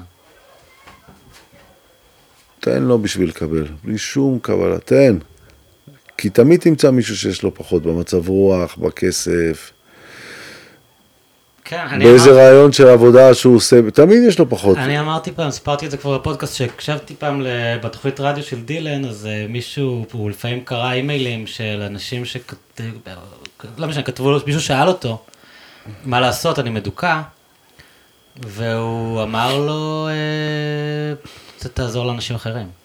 אתה יודע, כאילו, אתה- אתה יכול תמיד למצוא מקום לעזור. לא משנה, להתנדב עם ילדים, או לתת משהו למישהו, אז אבל נשבע לך, לא ש- לעזור לאנשים לא- אחרים זה כאילו זה מה מקסים. שיוציא אותך מהדיכאון בסוף. ממש, גדול. כן. אז ככה אני, אני חושב, אתה רואה את זה, ולא לא שמעתי אותו אומר את זה, אני חושב שזה, שזה ככה. לפעמים ראיתי ב... כל מיני מקומות שהם אה, רוחניים נניח. כל מיני, אתה יודע, אפילו בכליל יש, ויש כל מיני מקומות שאנשים עושים איזו עבודה רוחנית. כן. ואתה לא אוכל בשר. אתה לא אוכל, אתה לא, אתה טבעוני לגמרי. אתה אומר, אני אעשה מדיטציה, Mm. אני עושה איוואסקה, זה מעיב לי את התודעה. התודעה הזאתי, שמה, אחרי התה, אחרי השלוק השני. כן. אני זוכר אותה. אחרי זה, כן, זה, זה גומר עליי. אה, אני הולך אה, לגלוש קטמרן. אני לוקח ממשהו שצף מהר על המים והוא מסוכן, הוא לא פונקציונלי, אני לא יצא לי מזה כלום. פעם היו נוסעים בסירה כי היו צריכים, כן. עכשיו זה ספורט. נכון. אני עושה לעצמי זה לא הרגשה, כדי להגיע לאנשהו. אני כאילו רוצה להגיע לאנשהו מהר, במהירות כזאת שהמצאתי לעצמי, בשביל כאילו להרגיש שאני כן. משהו שאני לא בכלל. אז אה, נראה לי פה שמה זה החוסר אה, חיבור. אני לא בטוח שהבנתי מה מה אמרת. כאילו, אתה אומר, האנשים אה, שמחפשים את הרוחניות דרך... אה, אני אומר שאנשים מחפשים את הרוחניות, והם הם עסוקים ב... אני אומר, כמו, ש, כמו שמישהו מחפש אה, את העניין הזה של הספורט ואת הזה, ופתאום הוא מול הגלים וזה, אותו דבר אנשים מחפשים גם כאילו, זה עוד רוחניות. הישג, זה עוד איזה משהו שאתה... לא, לא, לא, אה, לא לזה, חשבתי, לא, התכוונתי, לא, לא, הבנתי, הבנתי, הבנתי, כי אני קשרתי את זה לדבר הקודם. כן. ואז אתה נהיה ברמה רוחנית ממש, אתה שולט בעצמך, יש לך נשימות ומדיטציה, אתה יכול לטפס על הרים, אתה יכול להפסיק את המחשבה, אתה אוכל רק אוכל בריא, אבל אתה כל הזמן מתעסק רק בעצמך, ואתה לא יכול להיות מאושר כן. אם במקום חצי מהדברים שאתה עושה בשביל עצמך, תן למישהו אחר. מה שאתה רוצה להגיע להיות מואר, אתה בשנייה מואר. כשאתה בא למישהי ואומר לה, אני בא מחר ואני תולה לך את המדפים עם המקדחה, אוקיי? לא בראש שלך לנסוע מפה עד ראשון. אה, זה יום מבוזבז לגמרי. אבל כשאתה עושה את זה, אתה חוזר הביתה, אתה מאושר. כן. אתה אומר, הצלחתי, זה יותר טוב מלהפסיק לעשן, אני הצלחתי להיות, להתקרב לבן אדם שאני רוצה להיות. תשמע, זה כל כך מקסים ונכון מה שאמרת עכשיו, ואני אה, לקח את זה גם לחיים האישיים שלי, כאילו המקומות שהרגשתי בהם הכי בעל ערך והכי משמעותי זה הרגעים שעזרתי לאנשים אחרים, ואני באמת לא אומר את זה ברמה צ'יזית, ולעזור לאנשים אחרים זה לא, אתה יודע, בהכרח אה, לטוס להציל את העניים באפריקה. ממש לא. כן, זה, זה פשוט, אתה מרגיש מתי מישהו צריך עזרה ואתה עוזר לו כשהוא צריך. זה simple as that, כאילו. לא, זה גם חוק, זה גם חוק כן. הפוך. ככל כן. שאתה עוזר למישהו שהוא יותר נכון. בסביבה שלך, אני חושב על זה הרבה בזמן האחרון. האושר יותר גדול. אני חושב על זה הרבה בזמן האחרון. וזה גם לא יותר נקי. זה ככה, אבל זה ככה. זה מה ש... כאילו, כי יש איזה מין מחשבה, כשאתה הולך למקומות הפילוסופיים, הקרים, הרציונליים, האנליטיים, זה כזה, אז מה אם אני עוזר לבן אדם שמולי, יש בן אדם יותר מסכן במקום אחר, אני יכול לעזור לו, אבל זה, זה לא, אנחנו לא בנויים ככה, אנחנו בנויים לעזור. אני הרבה פעמים חשבתי, כשהייתי צעיר, ואולי, אמ, לא רוצה להגיד פחות חכם, יותר טיפש, אה, אז לא כך הבנתי את הביטוי עניי עירך קודמים. כי אמרתי כאילו, למה הוא קודם? בגלל שהוא בעיר שלי. אתה יודע, יכול להיות כאילו אני אחר, שאני צריך, ל... אתה יודע, מה, הוא- ה- ה- הוא פחות חשוב מהאני שבעיר שלי, אבל אה, אני בתקופה האחרונה מבין, זה קצת דיבור כזה מיסטי רוחני, אבל אני מבין שאנחנו איפה שאנחנו, ואולי זה לא מקרי שאנחנו איפה שאנחנו, וה... אם מישהו מולך, לא אתה צריך לעזור. כלומר, זה האנשים ש... שסביבנו, ואני יודע שגם היום, שזה מישהו עכשיו שכתב ספר אה, שהוא פופולרי, על זה שאנחנו גם בנויים ככה, מבחינת החיווטים במוח, על לעזור לאנשים הקרובים לנו, אבל יש איזה עניין ב... בלעזור לא מתוך איזה רעיון אה, פילוסופי, אנליטי, אלא באמת יש מישהו, מישהו מולך שצריך עזרה ולעזור לו. אבל זה, זה מעבר לצד הרוחני שאמרת, כן. זה יש בזה גם צד מאוד אה, אנליטי, פרקטי. כן, וזה המשמעות של זה, אתה באמת עוזר כי, אתה, כי זה דרך חיים, ואתה אומר, אה, אה, זה לא עניי עירך אה, קרובים. בואו ניקח סתם את העניין הזה של הפליטים, כן. אוקיי? אין דבר, עם כל העצבים שהתעצבנו עליי, אין דבר יותר ואני בתוכו ואכפת לי והכל וזה, אבל אין דבר יותר שבן אדם לבן עוזר לבן אדם שחור, זה אפילו אם אתה לא תרצה את זה, אתה כאילו מתקן איזה עוול, אתה נורא שם את עצמך במקום שאתה זה, אוקיי? כן. זה דבר אחד. ו- וחשוב שעזרת וחשוב שזה. אבל מה הבעיה הכי גדולה הייתה של הפליטים? מעבר ל... ל... אה, לדלות ולמסכנות הכלכלית. כן. זה השנאה שהייתה כלפיהם. נכון. והסלידה שהייתה מהם בכל הרמות, והם רק היו יכולים לעבוד ברמה הכי נמוכה שיכולה להיות. אז אם למשל, כל החבורה הזאת שמתעסקת היום בפליטים, הייתה קמה בשנת 1970, לא בשנת 2000, לפני שהיו פליטים, ואומרת, אנחנו מתעסקים בדרום תל אביב. הרי זה ברור שאו שהקליטים בגלל, ומה אנחנו רוצים? שאנשים בדרום תל אביב ירגישו יותר טוב. אז זה ברור, זה פרקטי, זה ברור שזה היה משפיע על הפליטים, ואולי הם גם אלה שהיו דואגים שהפליטים דווקא לא ישימו אותם בדרום תל אביב, כי הם ביחד עם דרום תל אביב, כי הם עובדים איתם ביחד, כי הם, מה שעניין אותם, הם גם אנשים, והם מביעים מחאה על זה שהם עוד פעם בתחתית הזה, ויכול להיות שהמדינה לא הייתה מעיזה בכלל, בגלל שהיה כזה, אמרו, מה פתאום, עושים אותם בחו"ל, פזרו אותם בכל מקום. למה, יכול להיות שאפילו זה היה קורה, ואם זה לא היה קורה, אז בגלל אנשים שכבר היו מרגישים הרבה יותר טוב עם עצמם, כי דאגו להם. הפגנות, כמו שעשו 50 אלף לא לגירוש, הפגנות שעכשיו עושים ארבע מתנסים בשפירא. כן. הפגנות ש... כל אימא חד-הורית בשפירא תקבל את ה... לא יודע מה, הפגנות למען אנשים שירגישו יותר טוב. שיהיה, שיהיה, שהאנשים האלה שם כל הזמן היו בתחתית, חיו בבתים מסריחים, שמו עליהם אוטובוסים, כן. יש להם זעם עצום. הם לא יוצאים, הם יוצאים החוצה, הם רואים סובארו פורסטר בת יומיים, הם רואים את החיים, כן. והם לא. ויש את האדונים האלה, שבאים וקונים מבחינתם בתים בשפירא. כן. ונהיים... כן, אתה מבין? ו, ויש הרבה זעם. תאר לך שהיו מטפלים בזה וחושבים איך לתת להרגשים יותר טוב. מי, עזוב את כל הטריקים שאתה מכיר, מגינות קהילתיות, מ... אני לא יודע מה. בוא תשקיע בזה מחשבה, אני לא... אני אומר את הבעיה, אין לי את הפתרון, אבל יש את הפתרון. הפתרון הוא את כל האנרגיה שעכשיו אתם משקיעים בפליטים, אם הייתם משקיעים לפני זה בדרום תל אביב. למה זה רק התעורר שמה, ומה היה יכול להיות אם זה היה מתעורר הרבה לפני זה, על פה, על הקרוב. הקרוב מאפשר להתייחס יותר טוב לרחוק, כי אתה רוב שהולך ביחד. פי אלף מונים, או לא פי אלף מונים, אבל זה גם מאוד מאוד רלוונטי לעניין הפלסטיני שדיברנו עליו. כן. כלומר, ברגע שמה ש...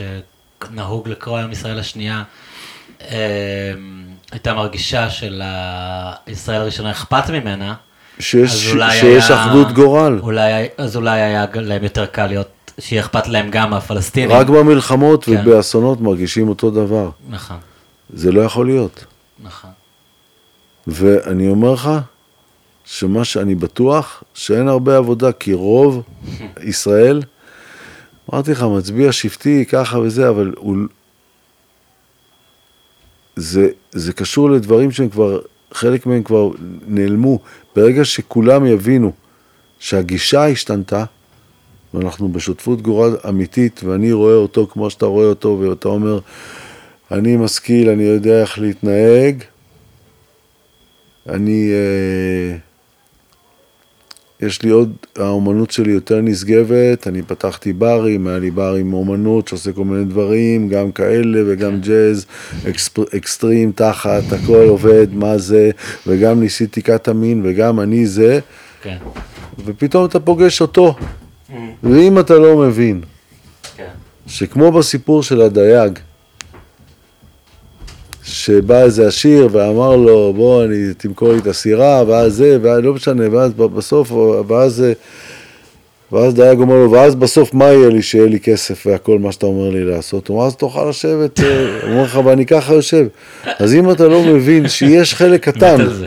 קטן בחיים. כן, יש חלק קטן באנשים האלה, כי הרבה סבלו, אבל יש בכולם חלק שיש לנו לכל אחד מה ללמוד. ואם אתה בא למישהו, כל בן אדם, ואתה אומר, יש לי מה ללמוד, הוא שרד את מה שאני לא שורד, אני מעריך אותו מאוד. הוא לא הגיע למקום שלי, ורואים את זה עליו, ואני מעריך אותו ואני יכול ללמוד ממנו, והלוואי שאם אני איקלע למצב רבע ממנו, יהיה לי את הכוחות האלה. כן. אה, ככה. ובעצם מה זה החיים? אתה יודע, אנשים, מה אנשים באים? לא עלינו בהוספיס בבית חולים, כולם מדברים אותו דבר. מה כולם אומרים בסוף? אתה יודע מה המילה האחרונה הכי נפוצה לבן אדם לפני שהוא מת? אימא. כן, שמעתי את זה פעם. אחרי זה מדברים על חברים, אותו דבר. אה, אתה יודע, מי אה, ההוא של אה, גוגל, איך קוראים לו? סטיב זה? אה, טוב, אז באמת, אה, אני רק, אה, אני אתן עוד שאט-אאוט לסאבו שפאקינג הסיע אותי אליך לגמרי, לקליל, ויאללה בוא נזה, והיה כן. סבלני כאן בזמן שאנחנו הקלטנו. אז אני עוד פעם, אני באמת, אם הוא יקשיב לזה, אני מודה לו מקרב לב. גם אני. ואני ממש מחכה לשמוע את האלבום שהוא, יאללה, וצריך להגיד אור. גורפינקל, החמוד והאהוב והמוכשר. והמוכשר. איך הוא בתור גיטריסט? אני אשאל גיטריסט ותיק אני מת על איך שהוא מנגן. וגיטריסט מגניב, אה? כן. זה הוא מגניב, אז הגיטרה, ברור. אז, אה, אז אנחנו נגיד להם תודה, ואמיר, היה לי, תשמע, באמת, אני כל כך שמח ש...